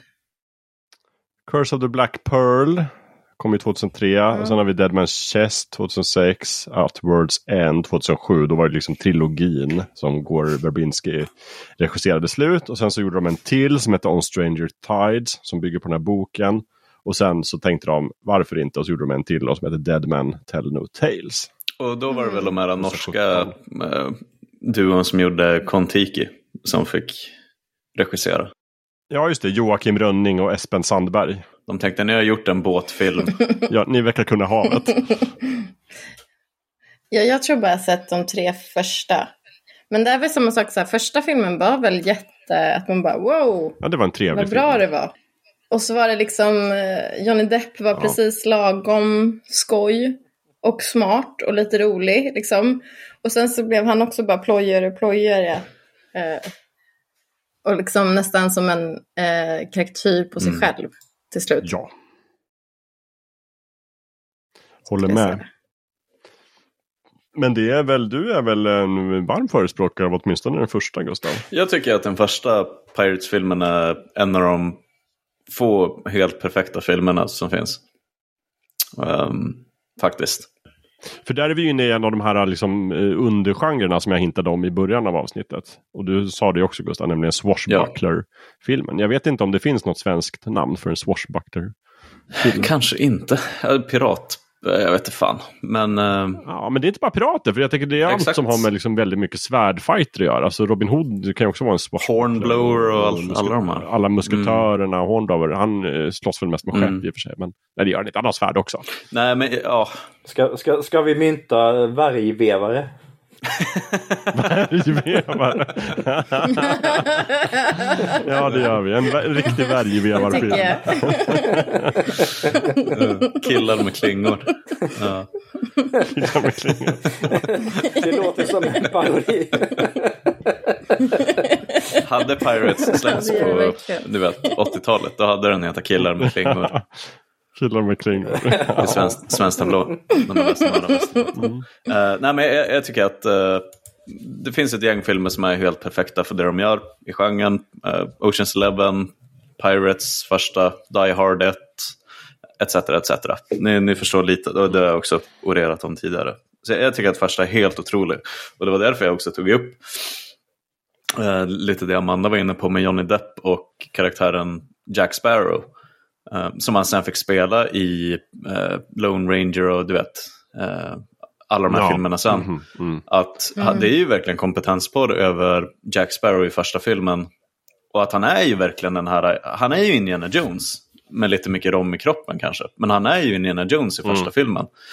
Och, och, som spelar mot Orlando Blooms karaktär Jack Turner som är väldigt blåögd och en gröngöling i hela världen med swashbuckling. Mm. Um, och sen tappar han ju det. Och så sen så gör de honom till Jar Jar Binks någonstans i fjärde filmen. Um, mm. Och han blir bara mera korkad och full och excentrisk. Um, så där tyckte jag också att de, du vet, de tappade. De hade verkligen det perfekta äventyrsfilmskonceptet i första. Sen blev det en storslagen episk nästan så Sagan om ringen, Star Wars-trilogi av hela grejen. Eh, vilket jag på sina sätt tycker också är jättehärlig. Jag, jag, jag kan verkligen tycka om del 2 och 3. Men standalone som en äventyrsfilm så tycker jag att första är helt otrolig. Eh, håller den minst lika högt som Raiders eller första Mumien-filmen. eh, på det sättet. Men kan man kalla det lite grann så Hans Landa-effekten? Ja, faktiskt. Alltså, för det var ju samma sak, han har ju bara fått göra samma roll. Om, om och om igen. All, all, alltid. ibland protagonist, ibland antagonist. Ja, men jag håller med. Både han och Johnny ja. Depp när de kommer till liksom en filminspelning så säger det så bara, du, kan du bara göra, alltså du vet, sådär, du var så bra i Pirates, kan du bara göra det där som du gjorde där? Ja, precis. Gör lite så, gör det är lite knas, knasigt. Och bara, kom igen. Någonstans tycker jag också att, att det är skönt, för då vet man att förr eller senare i deras långa karriärer så kommer någon regissör att vara smart nog och säga, vet du vad, jag vill inte, för det, det hände ju med, åh, oh, vad heter han, tredje planeten på solen, som var med i The Old Man. Ja, John Lithgow. Ja, John Lithgow. Någonting som han var som med också är med i och, Dexter. Um, och där är han ju väldigt så ner, nerskalad. Men att vara någon regissör för någonting mm. han gjorde där han bara sa, vet du vad, jag vill inte ha John Lithgow. Uh, var bara dig själv. Du vet, låtsas att det här är innan vi har slagit på kameran. Liksom. Så försök inte ens spela. Utan var bara, var bara dig själv som det är när jag pratar med dig. Jag vill inte ha ett uns av John Lithgow, liksom trademark. Och så blev det superbra. För att han verkligen från tredje mm. planeten, från solen, så har han ju varit knasiga John Lithgow. Mm, um, och så blir det toppen. Så jag tänker att, uh, mm. du vet, det kommer inte vara Hans Landa för alltid. Utan han får spela lite mera down to earth-karaktärer sen. Men han är väl ändå alltså... Christoph Waltz. Just det, tack. Tack Christoph Waltz. Har han inte riktigt lite sluppit ur den? Eller så jag bara tänker på att han var så otroligt uh, sympatisk och trevlig och rolig i den där andra Tarantino-filmen. Django Unchained. Men han är fortfarande lite grann samma roll. Mm. Alltså då är han, ja, då är han god. Men, men, men ja, precis. Det är liksom, då är han mest bara trevlig. Men han har fortfarande samma... Så här... Ja, men är det inte bara att han har lite dialekt? Det är för att den är från Tyskland. nej. nej. nej, nej. Men det är liksom den här uh, lite förluriga monologen, att han är liksom... Ja, han har, han har samma...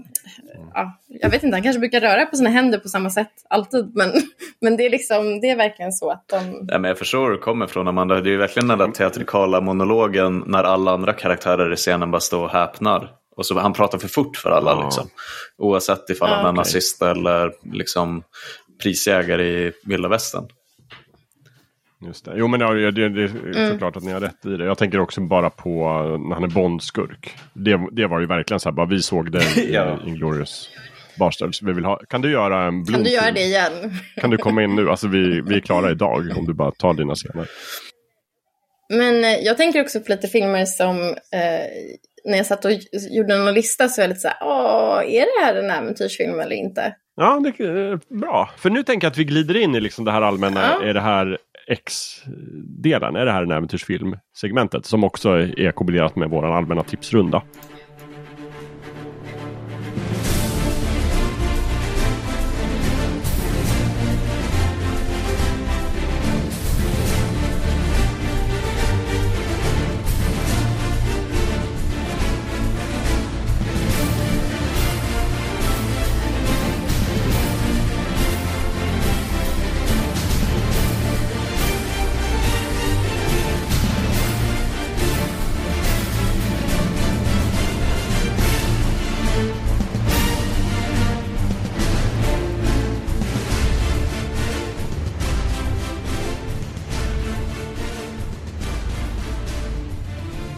Nej men då rullar vi igång med våran eh, ja. tipsrunda och då får man också passa på att ifrågasätta, är det här verkligen en äventyrsfilm? Och sen så lägger man fram det på bordet för juryn att bedöma och det är vi som är juryn. Ja, då eh, anser jag mig vara jag är först ut. Verkligen. eh, jag undrar om Femte elementet är en äventyrsfilm. Jag säger ja. Mm. Jag säger nej. Ja, jag säger nej också. Mm -hmm. Okej, okay, får höra varför. Både pro, eller liksom för och emot. Det är ett sci-fi-äventyr men inte en äventyrsfilm skulle jag säga.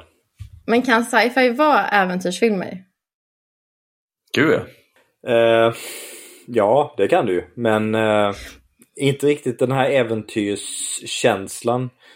Uh, den här resan man följer, humorn och de här eh, storslagna scenerna. Det, det, är ju mer sci-fi scener än men, äventyrs-matiné-spektakel. Men är det inte lite så här eller Jakob, ja, du. Får jag säga varför du? jag tycker att det är det? Dels så tänker jag att ah, sci-fi ah. är den ju såklart. Men det kan vara en, en äventyrsfilm inom sci-fi-genren. Det passar jättebra. Det finns till och med olika undervarianter. Men framförallt så tänker jag så här. Du kan ta hela handlingen i femte elementet. Ta bort sci-fi-delarna låt den utspela sig på typ 30 eller 40-talet och det blir typ exakt samma film. Fast han eh, kör en taxi i New York istället och den är svartvit. och de åker till ett operahus i ett annat land och de åker till liksom, eh, den här hemliga planeten de ska till. Den ligger i djungeln. Och det, det, det, blir, det är ju en äventyrsplott liksom, tycker jag. Eller hur? För det är också så här. Eh, ja, för det är också så här rätt platta karaktärer. Eller de är inte, det är inte de som tar störst plats även om de är bra. Eh, all, och sen så är det en skurk och han är väldigt skurkig. Eh, det är rätt mycket humor, den är underhållande, eh, det, det, är lite övernaturligt, eh, det är lite mm. romans. Eh, de har de här stenarna som alla vill ha. Exakt, McCuffin. Mm. Eh, de åker till olika planeter, de ska försöka överlista varandra. Jag tänker mig att det egentligen är ett klassiskt. Ja, jag håller med. Men tyvärr så röstade juryn ner det, så det blev nej. tyvärr. Men. Vad höra du då, Gustav? Varför tycker du inte att det är det?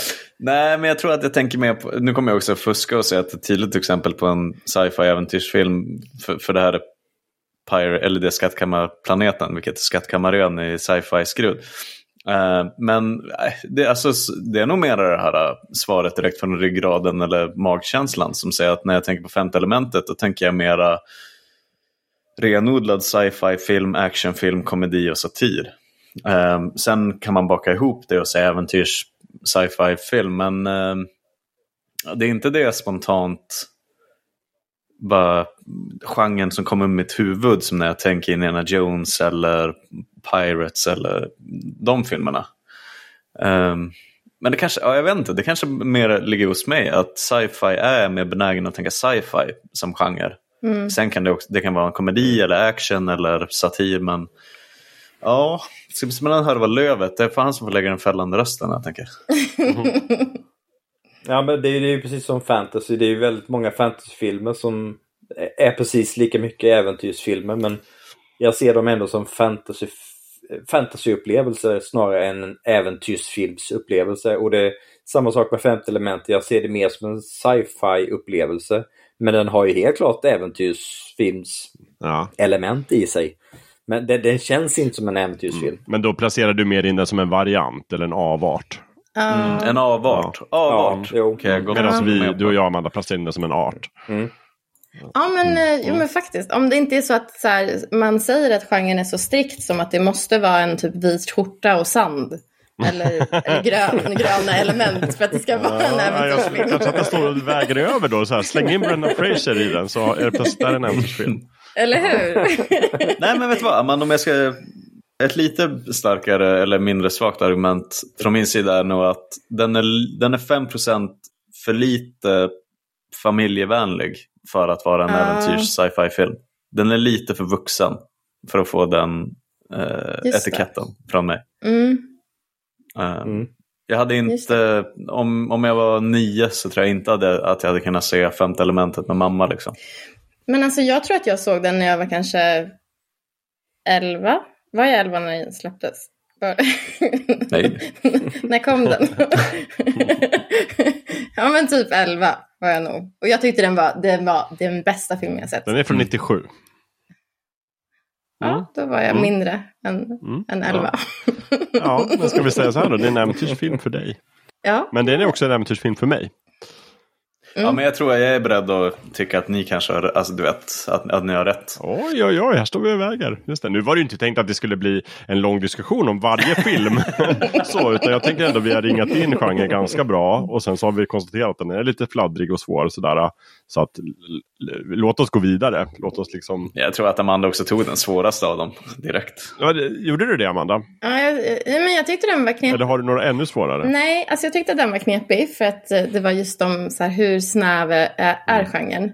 Men sen så blev jag också lite den här uh, Mad Max-filmen. Uh, vet du? Fury, Fury Road. Road. Ja. Fury. Mm. Road Fury. Om den, är det en äventyrsfilm? Ja eller nej? Ja, där skulle jag nog snarare säga nej. Nej. Nej. För det har också lite mer nej-känsla, men jag blev lite så här, mm, kanske. Men det är nog mest för att, alltså den skulle kunna vara det, men jag tycker att de slängt in så mycket andra genrer att det blir kära. För det är ju i grunden en sci-fi film, för den är i framtiden och det är liksom sådär. Det är en postapokalyptisk sci-fi film, för det är efter undergången. Mm, det är en mm, road mm. movie, det är en actionfilm, för det är liksom, fokus mm. ligger ju på actionscenerna nästan, tycker jag. Um, och så här, jag tänker bara, det finns inte utrymme för det här äventyret riktigt. Ja, precis. Det är lite för lite äventyr. Nej, det är sant. Det är nog mer, eh, det är som en lite för liten portion äventyr för att det ska bli en äventyrsfilm. Och också så här Lövet-testet. Man skulle inte kunna visa den på en matiné. Nej, nej, den är absolut nej, inte, nej. nej. det har ni rätt i, den är absolut inte barnvänlig. ja, det var nog de som jag tyckte var liksom ja, knepiga. Men sen så tycker jag överlag typ eh, som sjömansfilmer, om man ska säga. Ja, det är en variant. ja, men är det... Sjömansfilmer. Vad va, va är det? Typ... Vad fan? Jag trodde vi kallade det killar, killar med klingor. ja, men typ, det finns någon som, som jag såg för något år sedan som hette typ... Havsbrisfilmer. uh, jag vet inte om ni har sett den som heter In the Heart of the Sea. Jo. Ja. Killian Murphy och uh, Tor. Precis. Uh, Chris Hemsworth. Är den, är det, det är inte äventyr, eller hur? Det är typ ett drama-ish. Som utspelar sig på havet. Ja, mer överlevnadsfilm. Som ja. survival movie. Mm. Men jag förstår, ja, det, det är naggande nära. Wikipedia tycker att det är en historisk äventyrsdramafilm. Mm. Mm, du har ju, det är bara för, ja. för många saker det där. Kanske 30, 33 procent äventyrsfilm då. Börja som en äventyrsfilm, sluta som en uh, uh, ja, drama.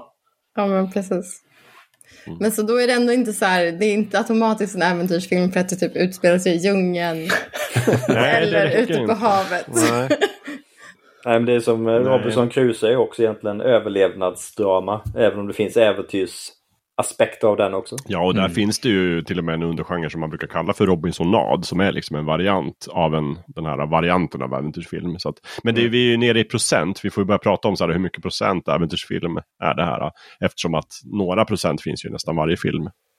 Mm. mm. Ja, men vilka bra, bra diskussionsfilmer du la på bordet. Ja. Är det någon mer som vill slänga ut några tips eller liksom frågetecken?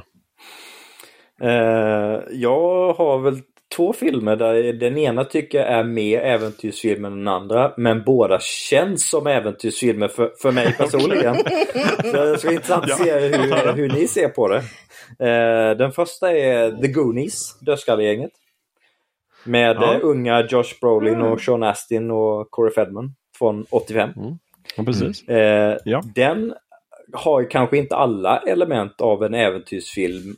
Eh, inte de här spektakulära scenerna. Men det är ju en resa de här unga grabbarna ger sig ut på och de, de får vara med om en, en hel del eh, under resans gång. Och för mig känns den som en äventyrsfilm även om den, den passar egentligen inte in på alla de här aspekterna som som jag tycker att en äventyrsfilm ska ha. Men när jag tänker på äventyrsfilm så tänker jag bland annat på The Goonies faktiskt. De har en karta. det har de. ja, och de letar en skatt. Det känns äventyrligt. ja. ja. men jag, jag, jag ser inga konstigheter. Jag placerar in den i ett äventyrsfack. Mm. Eller möjligtvis är det äventyrskomedi. Mm. Fast jag tycker mm. inte den är så himla rolig. Men, för jag har inga barndomsminnen från den. Men eh, jag kan inte placera in den i något annat. Liksom. Nej, Nej, jag tycker att den är... Den har liksom en grotta med ett skepp i. Den har en hund, så hund, den har en hund som skulle kunna ses som monstret i, i den här äventyrssagan. Exakt, det är minst 15 procent äventyrsfilm. Förmodligen 85 procent. mm. Tycker jag. Ja, det får jag från mig. Bra levet. Ett poäng. Och sen den andra filmen som jag tänkte på var Oh Brother, Brother Wow Eh, Coen-brödernas eh, film med Clooney och John Turturro. Eh, den, är, den är ju till och med baserad på eh, Homeros Odysseen. Så det känns som att det är OG-äventyr mm. bara där. Och sen, sen, sen, sen är ju själva filmen väldigt mycket ett äventyr som de, de ger sig ut på. Det finns ju mycket humor och spektakulära scener. Så ja, den, den känns verkligen som en äventyrsfilm. Även om den kanske inte har sand eller vita skjortor. Eller ja, vita skjortor kanske den har. Men den har ju inte så mycket sand i alla fall. ja, den har, den har skjortor som var vita. ja, nu är svettgrå. precis, och det finns ju en tydlig skurk. Ja, mm, det gör det. Men vad är det alla vill åt då? Det är så länge sedan jag såg den så jag kommer inte riktigt ihåg. För de, de, ska, ju, de ska ju vattenfylla den här dalen där de äh, har sin stuga. Och det, det, det, det är också baserat på Odysseen. Men äh, jag kommer inte ihåg vad, vad skurkens äh, motivation för det är. Väldigt länge sedan jag såg den. Men de har väl, de har väl flytt och eh, han vill ha tillbaka dem i finkan slash avrätta dem. Så att lite grann skulle man kunna säga att alla vill åt deras frihet. Mm, ja. Om man lägger abstrakt. Ja. Men det är inget så här tydligt, eh, det där, jakten på det där. Nej, alltså det, det kanske finns en McGuffin men jag kommer bara inte ihåg eh, vad det var i så fall. Men, men de, de, de, de har ju någonting de strävar efter och eh, som, som når ett klimaktiskt slut. Eh, så det har ju det spektakulära också i en, eh, mm. en äventyrsfilm. Ja, det är sant. Ja, jag är lite kluven. Mm. Jag tycker kanske också lite samma där, att det är så mycket annat som ska få plats i den här filmen. Ja. Det, det, är ju framförallt mm. en liksom Bröderna Coen-film och då får det någon sorts egen prägel mm. på något sätt. Det är väldigt mycket en dramakomedi. Uh, jag kanske tycker att det är lite för, liksom, ah, jag ska inte säga karaktär, det är inte karaktär på det. Ja men okej okay då, det kan få vara en äventyrsfilm om du vill. ja. du kan få ett frikort. ja. alltså, jag delar inte ut licenser på det sättet. Men om jag hade en, ett mm. bibliotek hemma med fysisk media och skulle sätta in det i hyllan så skulle jag ju sortera alltså alla Coen-filmerna för sig. Jo, de är nästan ja. en genre i sig. Ja. Mm. Nej, gud, jag är verkligen inne på pretentiösa genrebenämningar. Men ja, jag är lite mer på Jakob att generellt så säger jag drama, komedi och mera kanske så någon typ av så här amerikana epos-grej. Och mm. just det här med Odysseen, och mm. det är verkligen ett mm. epos. Ja, ja, ja. Fast det, för, för, ehm. min, för, min, del är det mer känslan i filmen som gör att det blir en äventyrsfilm. Det är ju, jag har faktiskt en Wes Anderson-film på listan också. Jaha. Life Aquatic with Steve Zissou.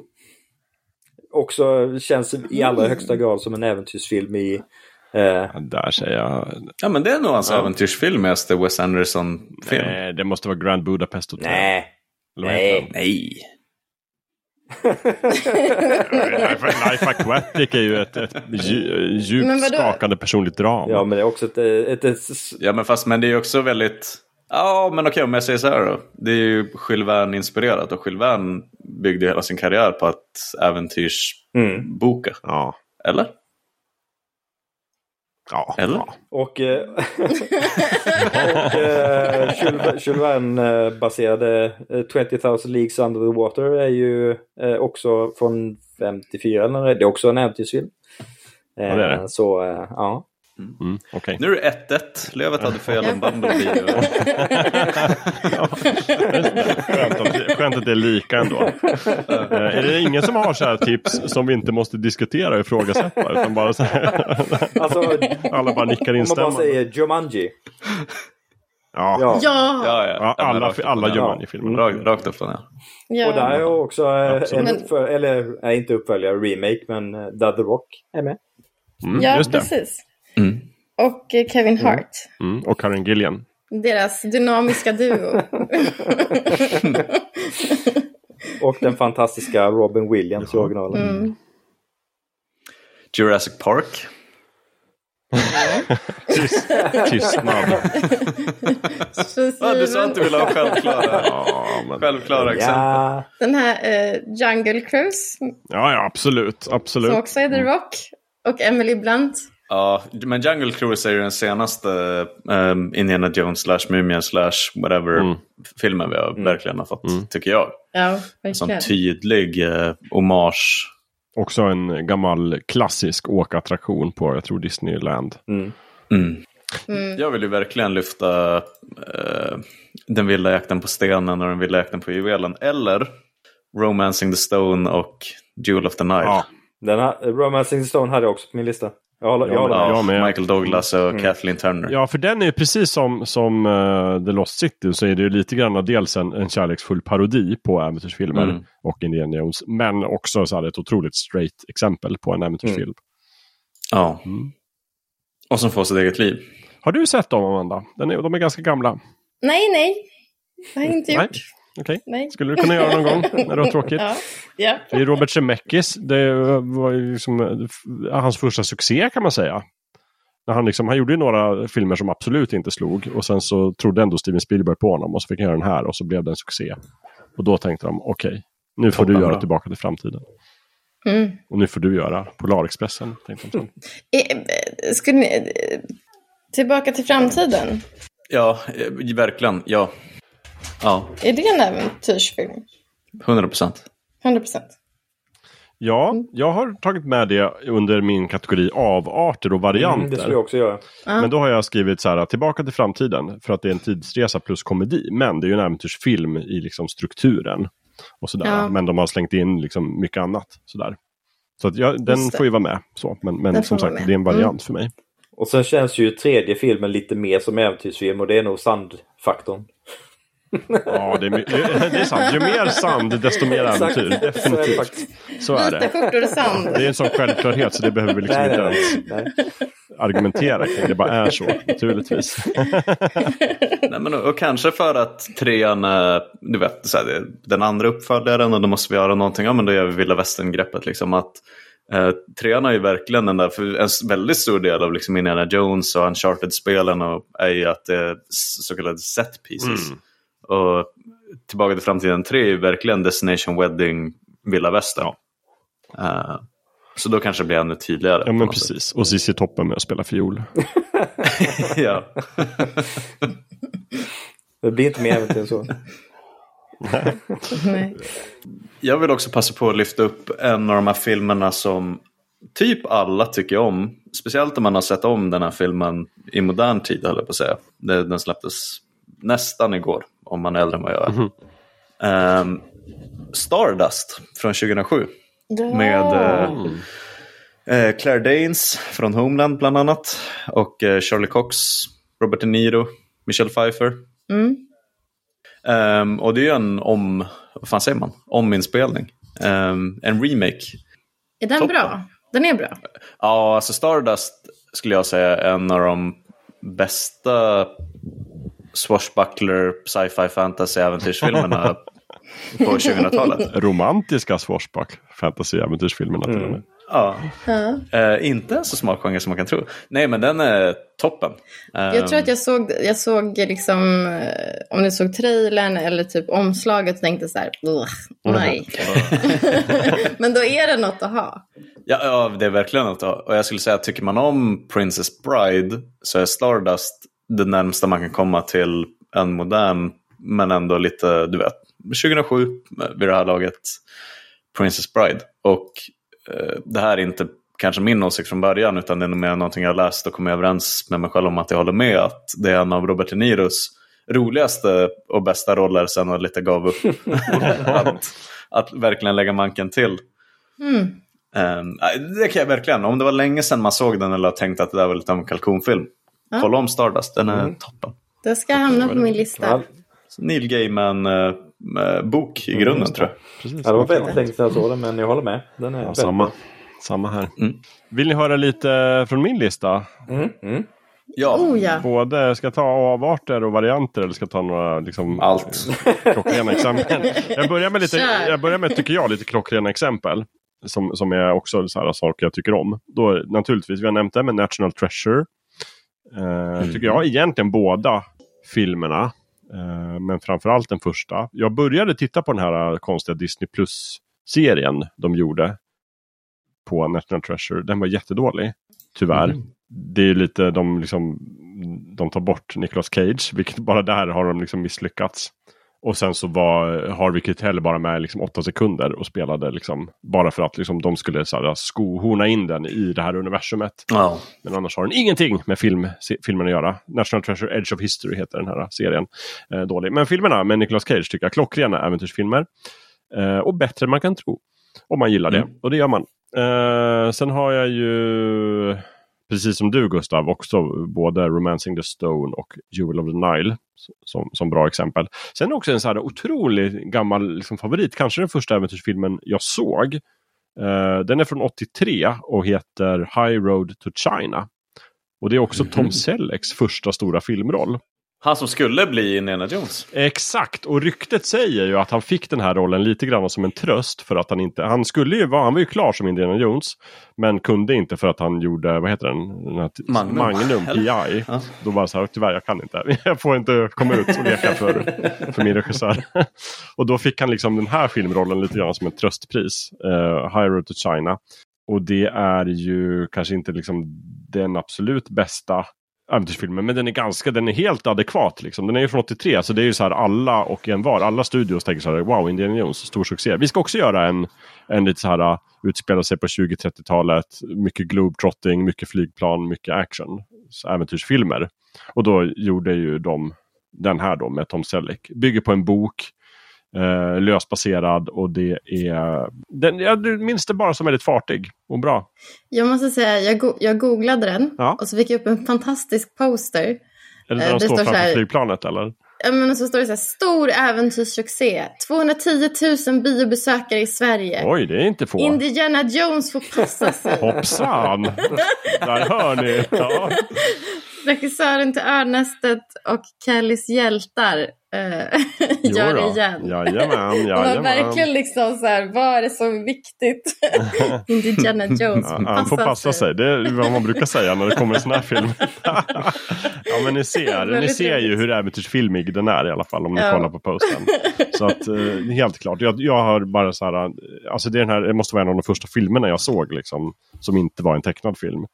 Så det är väl den. Eh, sen tycker jag, jag har ju många tecknade äventyrsfilmer som jag har en fäbless för. Eh, bland annat din favoritfilm Gustav, Atlantis, The Lost Empire ja. naturligtvis. Vi har pratat mm. i en podd om som inte har haft premiären men som snart kommer. Eh, I många timmar om bara den filmen. Så att, eh, tips där. Men den är jättebra. Sen tycker jag också konkurrenterna på Dreamworks gjorde ju The Road to Eldorado. Som jag nämnde också. Oh, Jättebra äventyrsfilm. Inte fem av fem. Alltså, inte av hundra av hundra, men väldigt bra. Typ. Jag tycker det roligaste med den filmen är ändå att till musikvideon som Elton John gjorde mm. så animerar de Elton John. Det måste ha kostat det? jättemycket. Ja men googla fram musikvideon ja, sen, sen på Youtube. De har liksom gjort, de tecknade en hel video med Elton John. Och han blir en tecknad figur och jag bara säger det måste vara kosta jättemycket pengar. Men ja, Katzenberg sparade ju inte på krutet när han gjorde den. Liksom. Uh, så jättebra. Uh, sen tycker jag också, fortsätta med tecknad DuckTales. Både tv-serien och uh, filmen är också så här tidiga starka äventyrsminnen. Uh, sen är det väl svårt att hitta tv-serier, men jag tycker både MacGyver och Zorro är starka minnen. MacGyver är också väldigt mycket kompetensporr, men jag tycker att den uppfin- uppfyller äventyrskravet. Dels för att det är liksom, tv-serier är väldigt lämpliga för äventyrs, för att det är liksom så här, han är på en ny plats varje avsnitt. Någonstans, det är alltid den här resan. Det finns ju jättemånga äventyrsserier som är så. Och det är väldigt ofta han ska liksom hamna i olika knipor och ska liksom hjälpa någon eller hitta en skatt och sådär. Så det är väl det. Sen några avarter eller varianter så har jag skrivit upp Flash Gordon från 1980. Som ju är en väldigt bra exempel på Planetary Romance. Som är liksom en, en variant av science fiction. Uh, och också så här, typ oj, Star Wars gick jättebra. Den är lite löst inspirerad av Flash Gordon. Men vänta, vi skulle kunna göra en Flash Gordon-film. För vi har, ju, vi har ju licensen. Och sen så gör de den. Uh, och Max von Sydow är jättebra som Ming. Sen också Crocodile Dundee. Ah, som ju är klassiker. en äventyrsfilm kombinerad med lite så här fish out of water komedi. Ja. Och sen har jag skrivit upp då Princess Bride har vi nämnt. Som är liksom en komedivariant. Time Bandits har jag skrivit upp som en komedivariant. Eh, mm. Uh, ja, det var väl det. Men på tal om tv-serier då. Mm. His Dark Materials. Är det tillräckligt mycket procent äventyr? Hur många procent behöver man från upp? Men jag tänker över 33. Jaha, ja, Eller? det tycker jag inte då i så fall. 28. Ja. Jag tycker den har för mycket fantasy för att den ska kännas ja, som med. en äventyrsserie. Ja. Där är jag helt på löversidan. Mm. Ja. Historic Materials är ungefär lika mycket äventyrsfilm som Harry Potter-franchise. det är alldeles för lite. Där skulle jag säga att, det vill säga inte så mycket. Ja, men 20-25 eh, procent ändå. Faktiskt. Där tror jag att jag skulle säga att första eh, Fantastic Beasts filmatiseringen. Ja, det är, sant. det är sant. Hade eh, potential att bli en äventyrsfilm i Harry Potter-världen. Mm, Men sen så kunde de inte hålla sig på samma sätt som att eh, Disney inte kan hålla sig från familjen Skywalker i Star Wars-sammanhang. Så till slut blir det bara Luke och Leia och vi, vi måste få in Dumbledore i den här filmen. Ja, men precis. Så, så då blev det bara Harry Potter fantasy ändå. Uh, men, men det hade verkligen potential att bli en äventyrsfranchise i Harry Potter-franchisen. Jag har också ett, tycka vad man vill om eh, filmatisering, men jag tycker ändå att den är klart sevärd. Uncharted. ja, jag har inte sett den ännu, men jag tycker den är sevärd. För jag tror den finns ja. på alla streamingtjänster nu, så jag kan se den.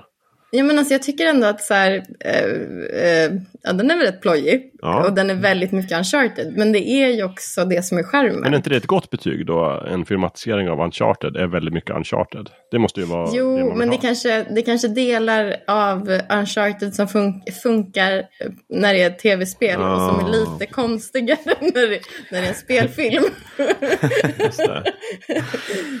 typ saker som svingar runt i luften och sådär.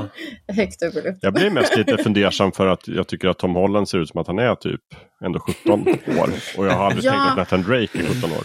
Nej men alltså det är ju mitt enda. Att det finns ju en, nu kommer jag inte ihåg vad den skådespelaren heter. Men det finns ju en skådespelare som ser exakt ut som Nathan Drake.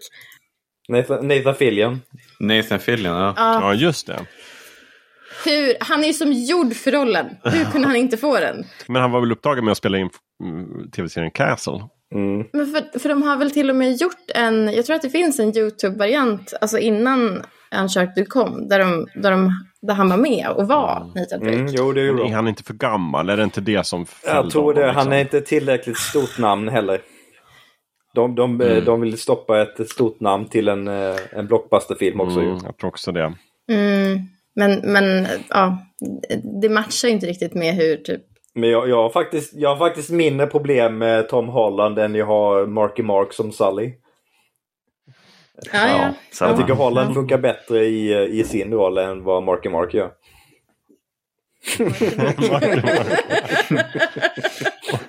Mark Wahlberg för de som inte är in know. Det fattade till och med jag. Uh, och sen så tycker jag ändå inte man kan prata om äventyrsfilmer utan att nämna Tomb Raider-filmerna. Kan man inte? Nej, men det måste Vi måste nämnde dem förut, men vi, vi, tycker vi nämner dem igen. Ja, Tomb Raider-filmerna. Menar du då alla? Ja, men ja, jag tycker ändå man kan kolla på alla. Ja, jag har inte sett den nya med Alicia Vikander. Ja, men den är väldigt mycket som eh, liksom rebooten av spelen. Ja, jag förstår. är det en trevlig film? nej, eller nej, inte ja, jättetrevlig. Om... Ja, den är inte lika pajigt uh, humoristisk som uh, Angelina Jolie-filmen. Men jag nej, måste tyvärr säga, alltså angående Angelina Jolie. Jag har ju hävdat tidigare, har jag berättat i Fukultur, om att jag somnade under Cradle of Life på bio. Och sen har jag sagt att det var visat sig att det var ju faktiskt första filmen jag somnade under. Mm. Jag, jag, såg aldrig Sen ens. sov du fram till jag, att andra ja, filmen släpptes. För jag, såg, jag och, och Tove, vi såg om, vi såg första Tomb Raider-filmen nu för bara några månader sedan. Och jag höll på att somna igen. Men, för jag men tycker, alltså, att... förlåt, men den har sådana tempoproblem. Ja. alltså jag, den visst... är så bra på pappret, men jag tycker inte den är så himla lyckad. Men är inte tvåan nästan bättre än första? Jag hoppas det, för jag har inte sett den. Eller är det, eller är det bara för att jag är väldigt färgad av att Gerard Butler är med? jag har tvekan från löven. Alltså tvåan är ju superpajig. Men det finns ju en, en, en, ett underhållningsvärde i att den är så jäkla pajig. Den får gärna vara pajig om jag inte somnar. ja, för jag nej, tyckte men... att ettan var för slö och för seg och för långsam liksom. Jag skulle säga, ja. Jag skulle ändå säga tvåan, ja. men jag kan också vara partisk. ja, men det är, väl, det är väl alla. Det här med att man somnar på en biograf, det också sätter sina spår, ska jag säga. Hur man sen bedömer jo. filmen. Du är partisk, Jakob är apatisk. det finns ingen mellanväg. Mm. Ja. Sen tycker jag det är jättekul att, att eh, Angelina Rolin spelar mot sin pappa, John mm. Voight. Mm. Ah, ja, just det. Och de var ju jätte-estranged. Så att han var ju liksom, det tog ju, vad jag har hört, rollen mycket bara för att få liksom kontakt med sin dotter. det, då får man ju ett annat liksom, tyngd i scenerna. Mm. Verkligen. Men när vi har pratat om eh, Nathan Fillion och serier måste jag ju återigen nämna Firefly. Yes. Och det, det är ett exempel på någonting som egentligen är sci-fi i första rummet men som jag ändå ser som äventyrsserie i första rummet och sci-fi i andra rummet. Och de, de, de är i ökenmiljö så man får, man får det elementet också. Mm. har de en vit skjorta? Jag kommer inte ihåg om han har vit skjorta. Mm. Det kanske han har faktiskt. Jo, den är väl vit ja. i början av avsnittet ja. i alla fall. Precis. Nej men det brukar väl ändå kallas till och med så här en rymdvästern. Och ja. västern är tycker jag en, en avart av, av äventyrsgenren. Jo. Det är, det är en rymdvästern-äventyr. Mm. Eh, och så tycker jag den här eh, One, Netflix One Piece-serie också. Eh, Har du sett den? Ja, och jag gillar den. Oh, jag gillar den.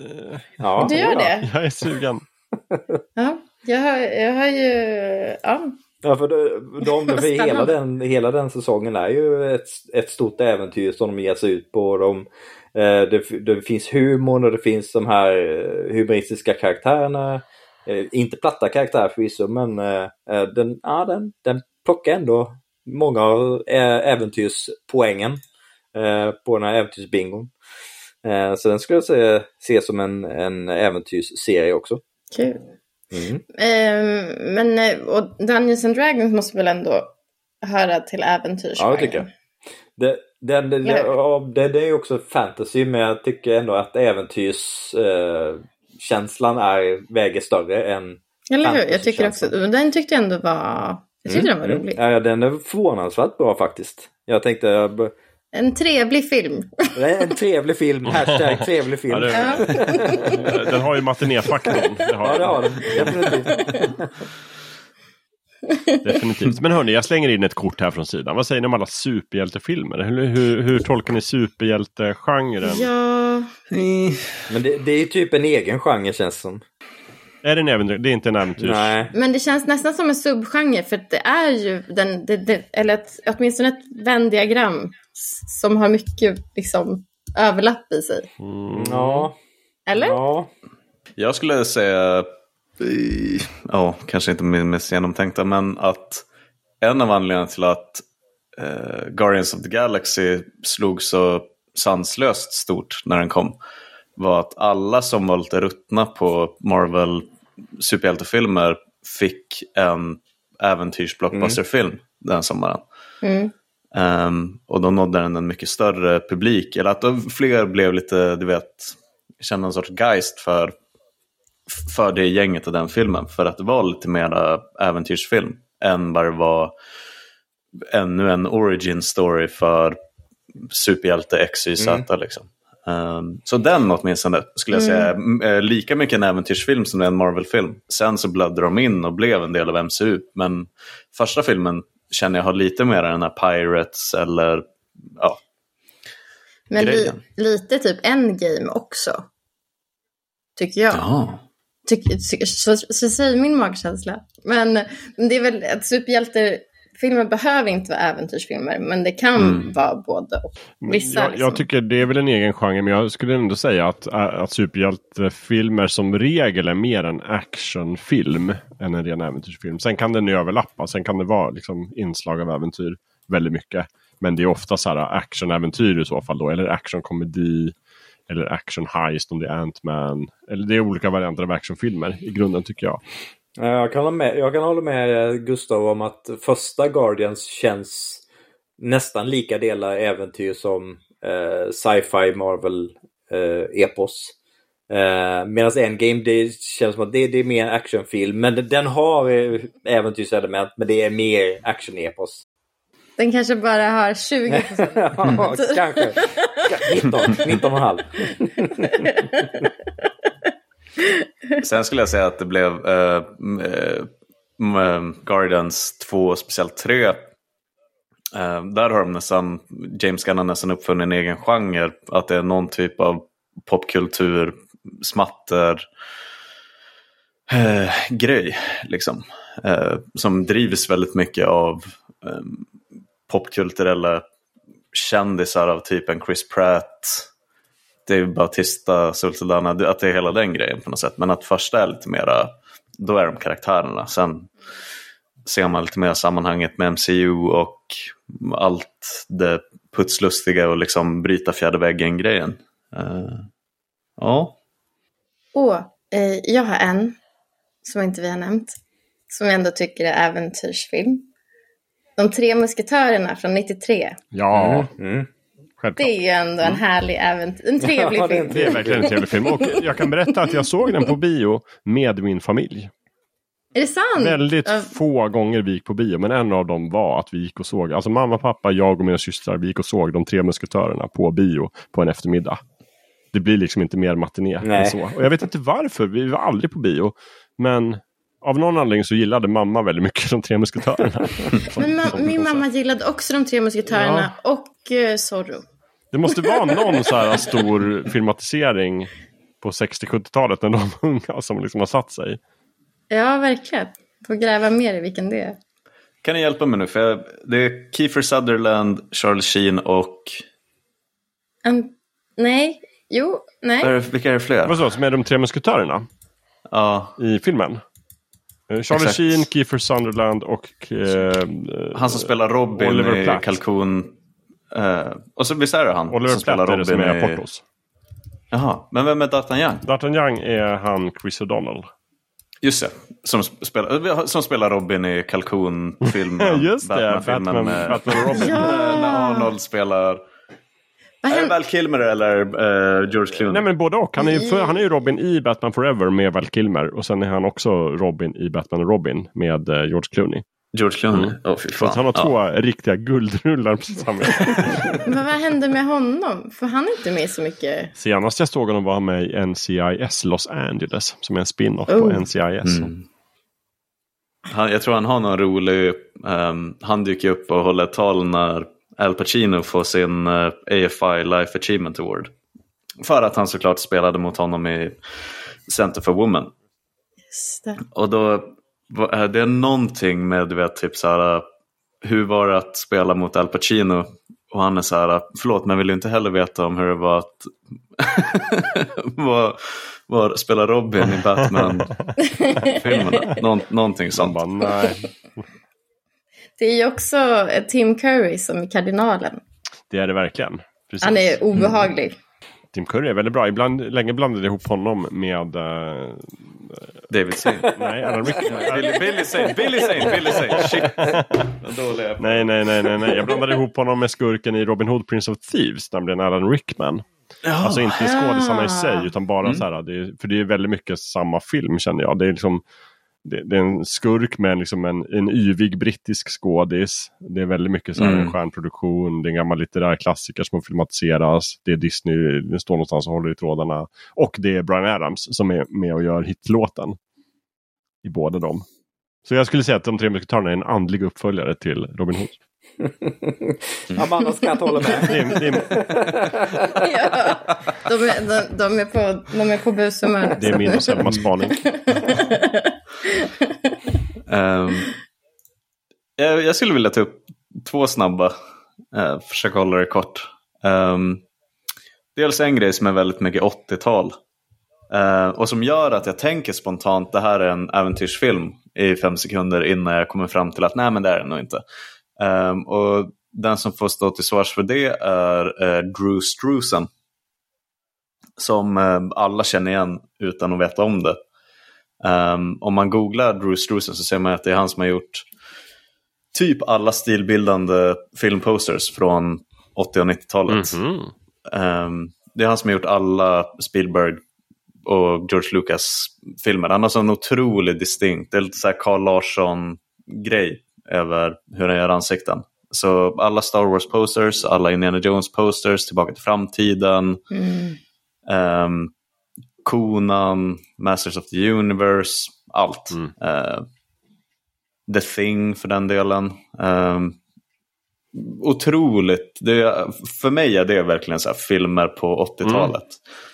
Mm. Um, oh, ja, Blade Runner. Um, så verkligen, det, det får mig att, om jag ser en film med ett omslag där Drew Struzan har gjort, du vet lite så ensemble, en massa ansikten och som flyter in i varandra. Mm. Uh, tänk verkligen Star Wars, liksom rymdimperiet slår tillbaka. Um, så tänker jag att ja, men gud, det här är säkert en äventyrsfilm, även mm. om det är uh, mycket allvarligare än så. Um, otroligt mångfacetterad. Man, också, man kan verkligen se, när man väl vet det så kan man se Coming to America med Eddie Murphy. Att det är samma person som ligger bakom den posten och eh, liksom eh, eh det mörka hotet. Ja. Eh, det upptäckte jag nu, eh, Jakob, för övrigt. att eh, Han har ju såklart också gjort postern till Cutthroat Island. Ja, men självklart. Självklart. Till exempel. Um, och uh, jag tänkte bara specifikt lyfta upp en film som vi inte har pratat om, som är animerad, som jag tycker är en äventyrsfilm och en massa andra saker också. Men det är An American Tale, eller Fivel som vi känner till i, i Sverige. Den här eh, Spielberg eh, upptänkta. Precis. Steven Spielberg och Don Bluth. Eh, som utmanar Disney 1986. Precis. Och vinner. Ja. Den såg jag också på bio. Med familjen? Nej, alltså jag fick ju väl inte gå själv antar jag. Jag var sex år gammal. Så att någon måste jag följt med. Jag skulle kunna tänka mig att det var jag, min syster, en av mina syster, min stora syster och uh, vår pappa kanske som gick. Det var mm. inte ändå hela familjen. Sådär. Det var inte typiskt matiné. Men jag minns det som lite läskig. Vill du veta vad han också gjort en poster till? Men då? Ja. Ducktails-filmen. Det är sant, just det. Just det. Mm. Den, den magiska lampan eller vad den heter. Mm. Så allting du tycker om, han. ja. mer eller mindre. Bra, bra stämpel. Ja, verkligen bra stämpel. Ja, men jag vet ju precis, alltså, stilen på... Definitivt. Ja, jag man ser det framför ja, ja, ja, det är äventyrsfilms ja, Harry Potter för den delen också. Uh, verkligen. Ja, han är liksom filmpostrarnas... Um... Nej, det var inget. Ja, Michelangelo, höll på att säga. ja. Ja. Något, något stort namn. Exakt. Släng in mm. det. Um, och så sen den andra grejen bara lite snabbt skulle vilja ta upp är det här med att det som snabbast får mig att inte hålla med om att en äventyrsfilm är om det kantrar lite väl mycket åt det episka hållet. Katten håller med. Um, för om jag, om man, du vet, skulle jag titta lite på sådana listor över, uh, här har jag någon på Rotten Tomatoes, 60, 60 essential adventure movies. Mm. Uh, och de, när jag bara scrollar igenom de som jag inte håller med om, det är ju de som jag mer skulle kalla episka uh, draman eller liksom episka actionfilmer. Um, för jag tycker till exempel inte så mycket att Den sista mohikanen är en äventyrsfilm. Nej. Har liksom attribut men eh, det skulle jag säga är mer ett episkt historiskt actiondrama. Mm. Um, och det finns andra som är också så, du vet uh, Count of Monte Cristo finns här på listan, Master and Commander finns på den här listan. Uh, och då känner jag att det är lite för uh, konungens återkomstigt uh, på något ja. sätt. Jag tror många som har sett Greven och Monte Cristo tänker så. Det här är väldigt konungens återkomstigt. Nej, men kanske inte den. Men, men ni förstår vad jag menar. Att jag tycker inte att Kingdom of Heaven eller många sådana Ridley Scott-filmer. Jag tycker inte att Gladiator är en äventyrsfilm. Ja, men jag förstår, jag, jag förstår att det ska vara lite fart i dem. Alltså de är, oh. de är för fartlösa. De är för fartlösa. Ja, Gladiator tycker jag verkligen är för fartlös. Eller hur? Nej men att det kanske är den där avsaknaden av, det ska verkligen vara liksom sword and sandals och blod och stora slag. Och då tappar man lite det här putslustiga romantiska jakten på McGuffin-grejen mm. ja. som är så otroligt centralt för renodlade äventyrsfilmer. Så jag, jag tycker speciellt om många av Ridley Scotts filmer som kanske dyker upp på sådana här listor um, tycker jag inte hör hemma. För jag att Då känner jag bara historiska action drama-filmer. Mm. Liksom. Ja. Med äventyrsinslag såklart. Mm. Men, men inte riktigt hemma i genren helt och hållet. Mm. Jo, inte tillräckligt många procent. Nah, nej, inte 33. men, men jag håller med, nej. Ridley Scott som regissör, han slänger gärna in några procent liksom, äventyrs. Men, men det är ja. inte där han lever och jobbar. Nej. Nej, inte på samma sätt som de som inte kan hålla sig. Alltså jag tycker att även när Spielberg gör filmer av typen eh, The Post, som verkligen ska vara en sån, du vet, eh, nu ska vi gå igenom Watergate-skandalen. Mm. Finns det också liksom 15 15-20 äventyrsfilm. ja. Och det är lite jo, men så... det är bara för att han är den han är. Eh, exakt. Mm. Så kanske Ridley Scott hade mått bra av att slänga in 10% äventyrsfilm i sina lite... Ja, många av de filmerna tror jag det. För hårdkokta. Ja. mm. Just det. Kanske därför du inte tycker om Robin Hood. Den är för seriös. Ja men det är den ju definitivt. Det, det har jag sagt i den här podden tidigare och det står jag fortfarande för till denna dag. Ridley Scotts filmatisering av Robin Hood är för seriös. Och dessutom kan han inte historia. Mm. Ja, nej. ja, och med det då är vi dags framme kanske vid slutet av den här podden i alla fall. Är det så att ni nu vill lyfta fram några sista ord eller ett sista sekunden-tips? Eh, jag kan eh, köra en sista så här, eh, en, en apmentometer. Okej, okej. Eh, jag, om man tittar på filmserierna King Kong och Apornas mm. Eh, så se, ser jag den ena som äventyrsfilmserie och den andra som sci-fi filmserie. Men jag har egentligen mm. inga, inga logiska argument till varför den ena känns som äventyrsfilmer och den andra känns som sci-fi filmer. För båda innehåller äventyrselement och båda är ju inte så direkt familjeovänliga. Men jag, jag ser ändå Apornas planet som mer sci-fi filmer mm. med äventyrsinslag. Men jag kan inte riktigt motivera, motivera varför. Medan King Kong-filmerna känns väldigt mycket som äventyrsfilmer. Men de är ju... I King Kong så är de ju i början, nästan alla filmer så är de i djungeln först och sen kommer de mm. till storstan. Så då är det växter och så, så tänkte jag att det är många fler vita kort. Mm. Ja, lite sand kanske ja. till och med på stranden. Planet har ju sand. Lite hav. Så, ja. Mm. Ja, Mm, det är sant. Men, men den är också inte en, det är inte en trevlig Nej, film. det är det inte. Men du, jag, jag tycker ändå Lövet, du verkar ha någon form av så här, blir det väldigt mycket rymden och sci-fi, då, då, då säger du att då är inte en äventyrsfilm Nej. längre. Nej. Och det, jag tror också att Apornas planet är kanske så, de är, åker ut i rymden och du bara nej, det här är sci-fi, Ja, det går inte. säger du direkt. Mm. Apor som pratar. Just det, det är sci-fi. Nej. Nej. skulle aldrig hända. Det är orealistiskt. Det- Rena sci-fi.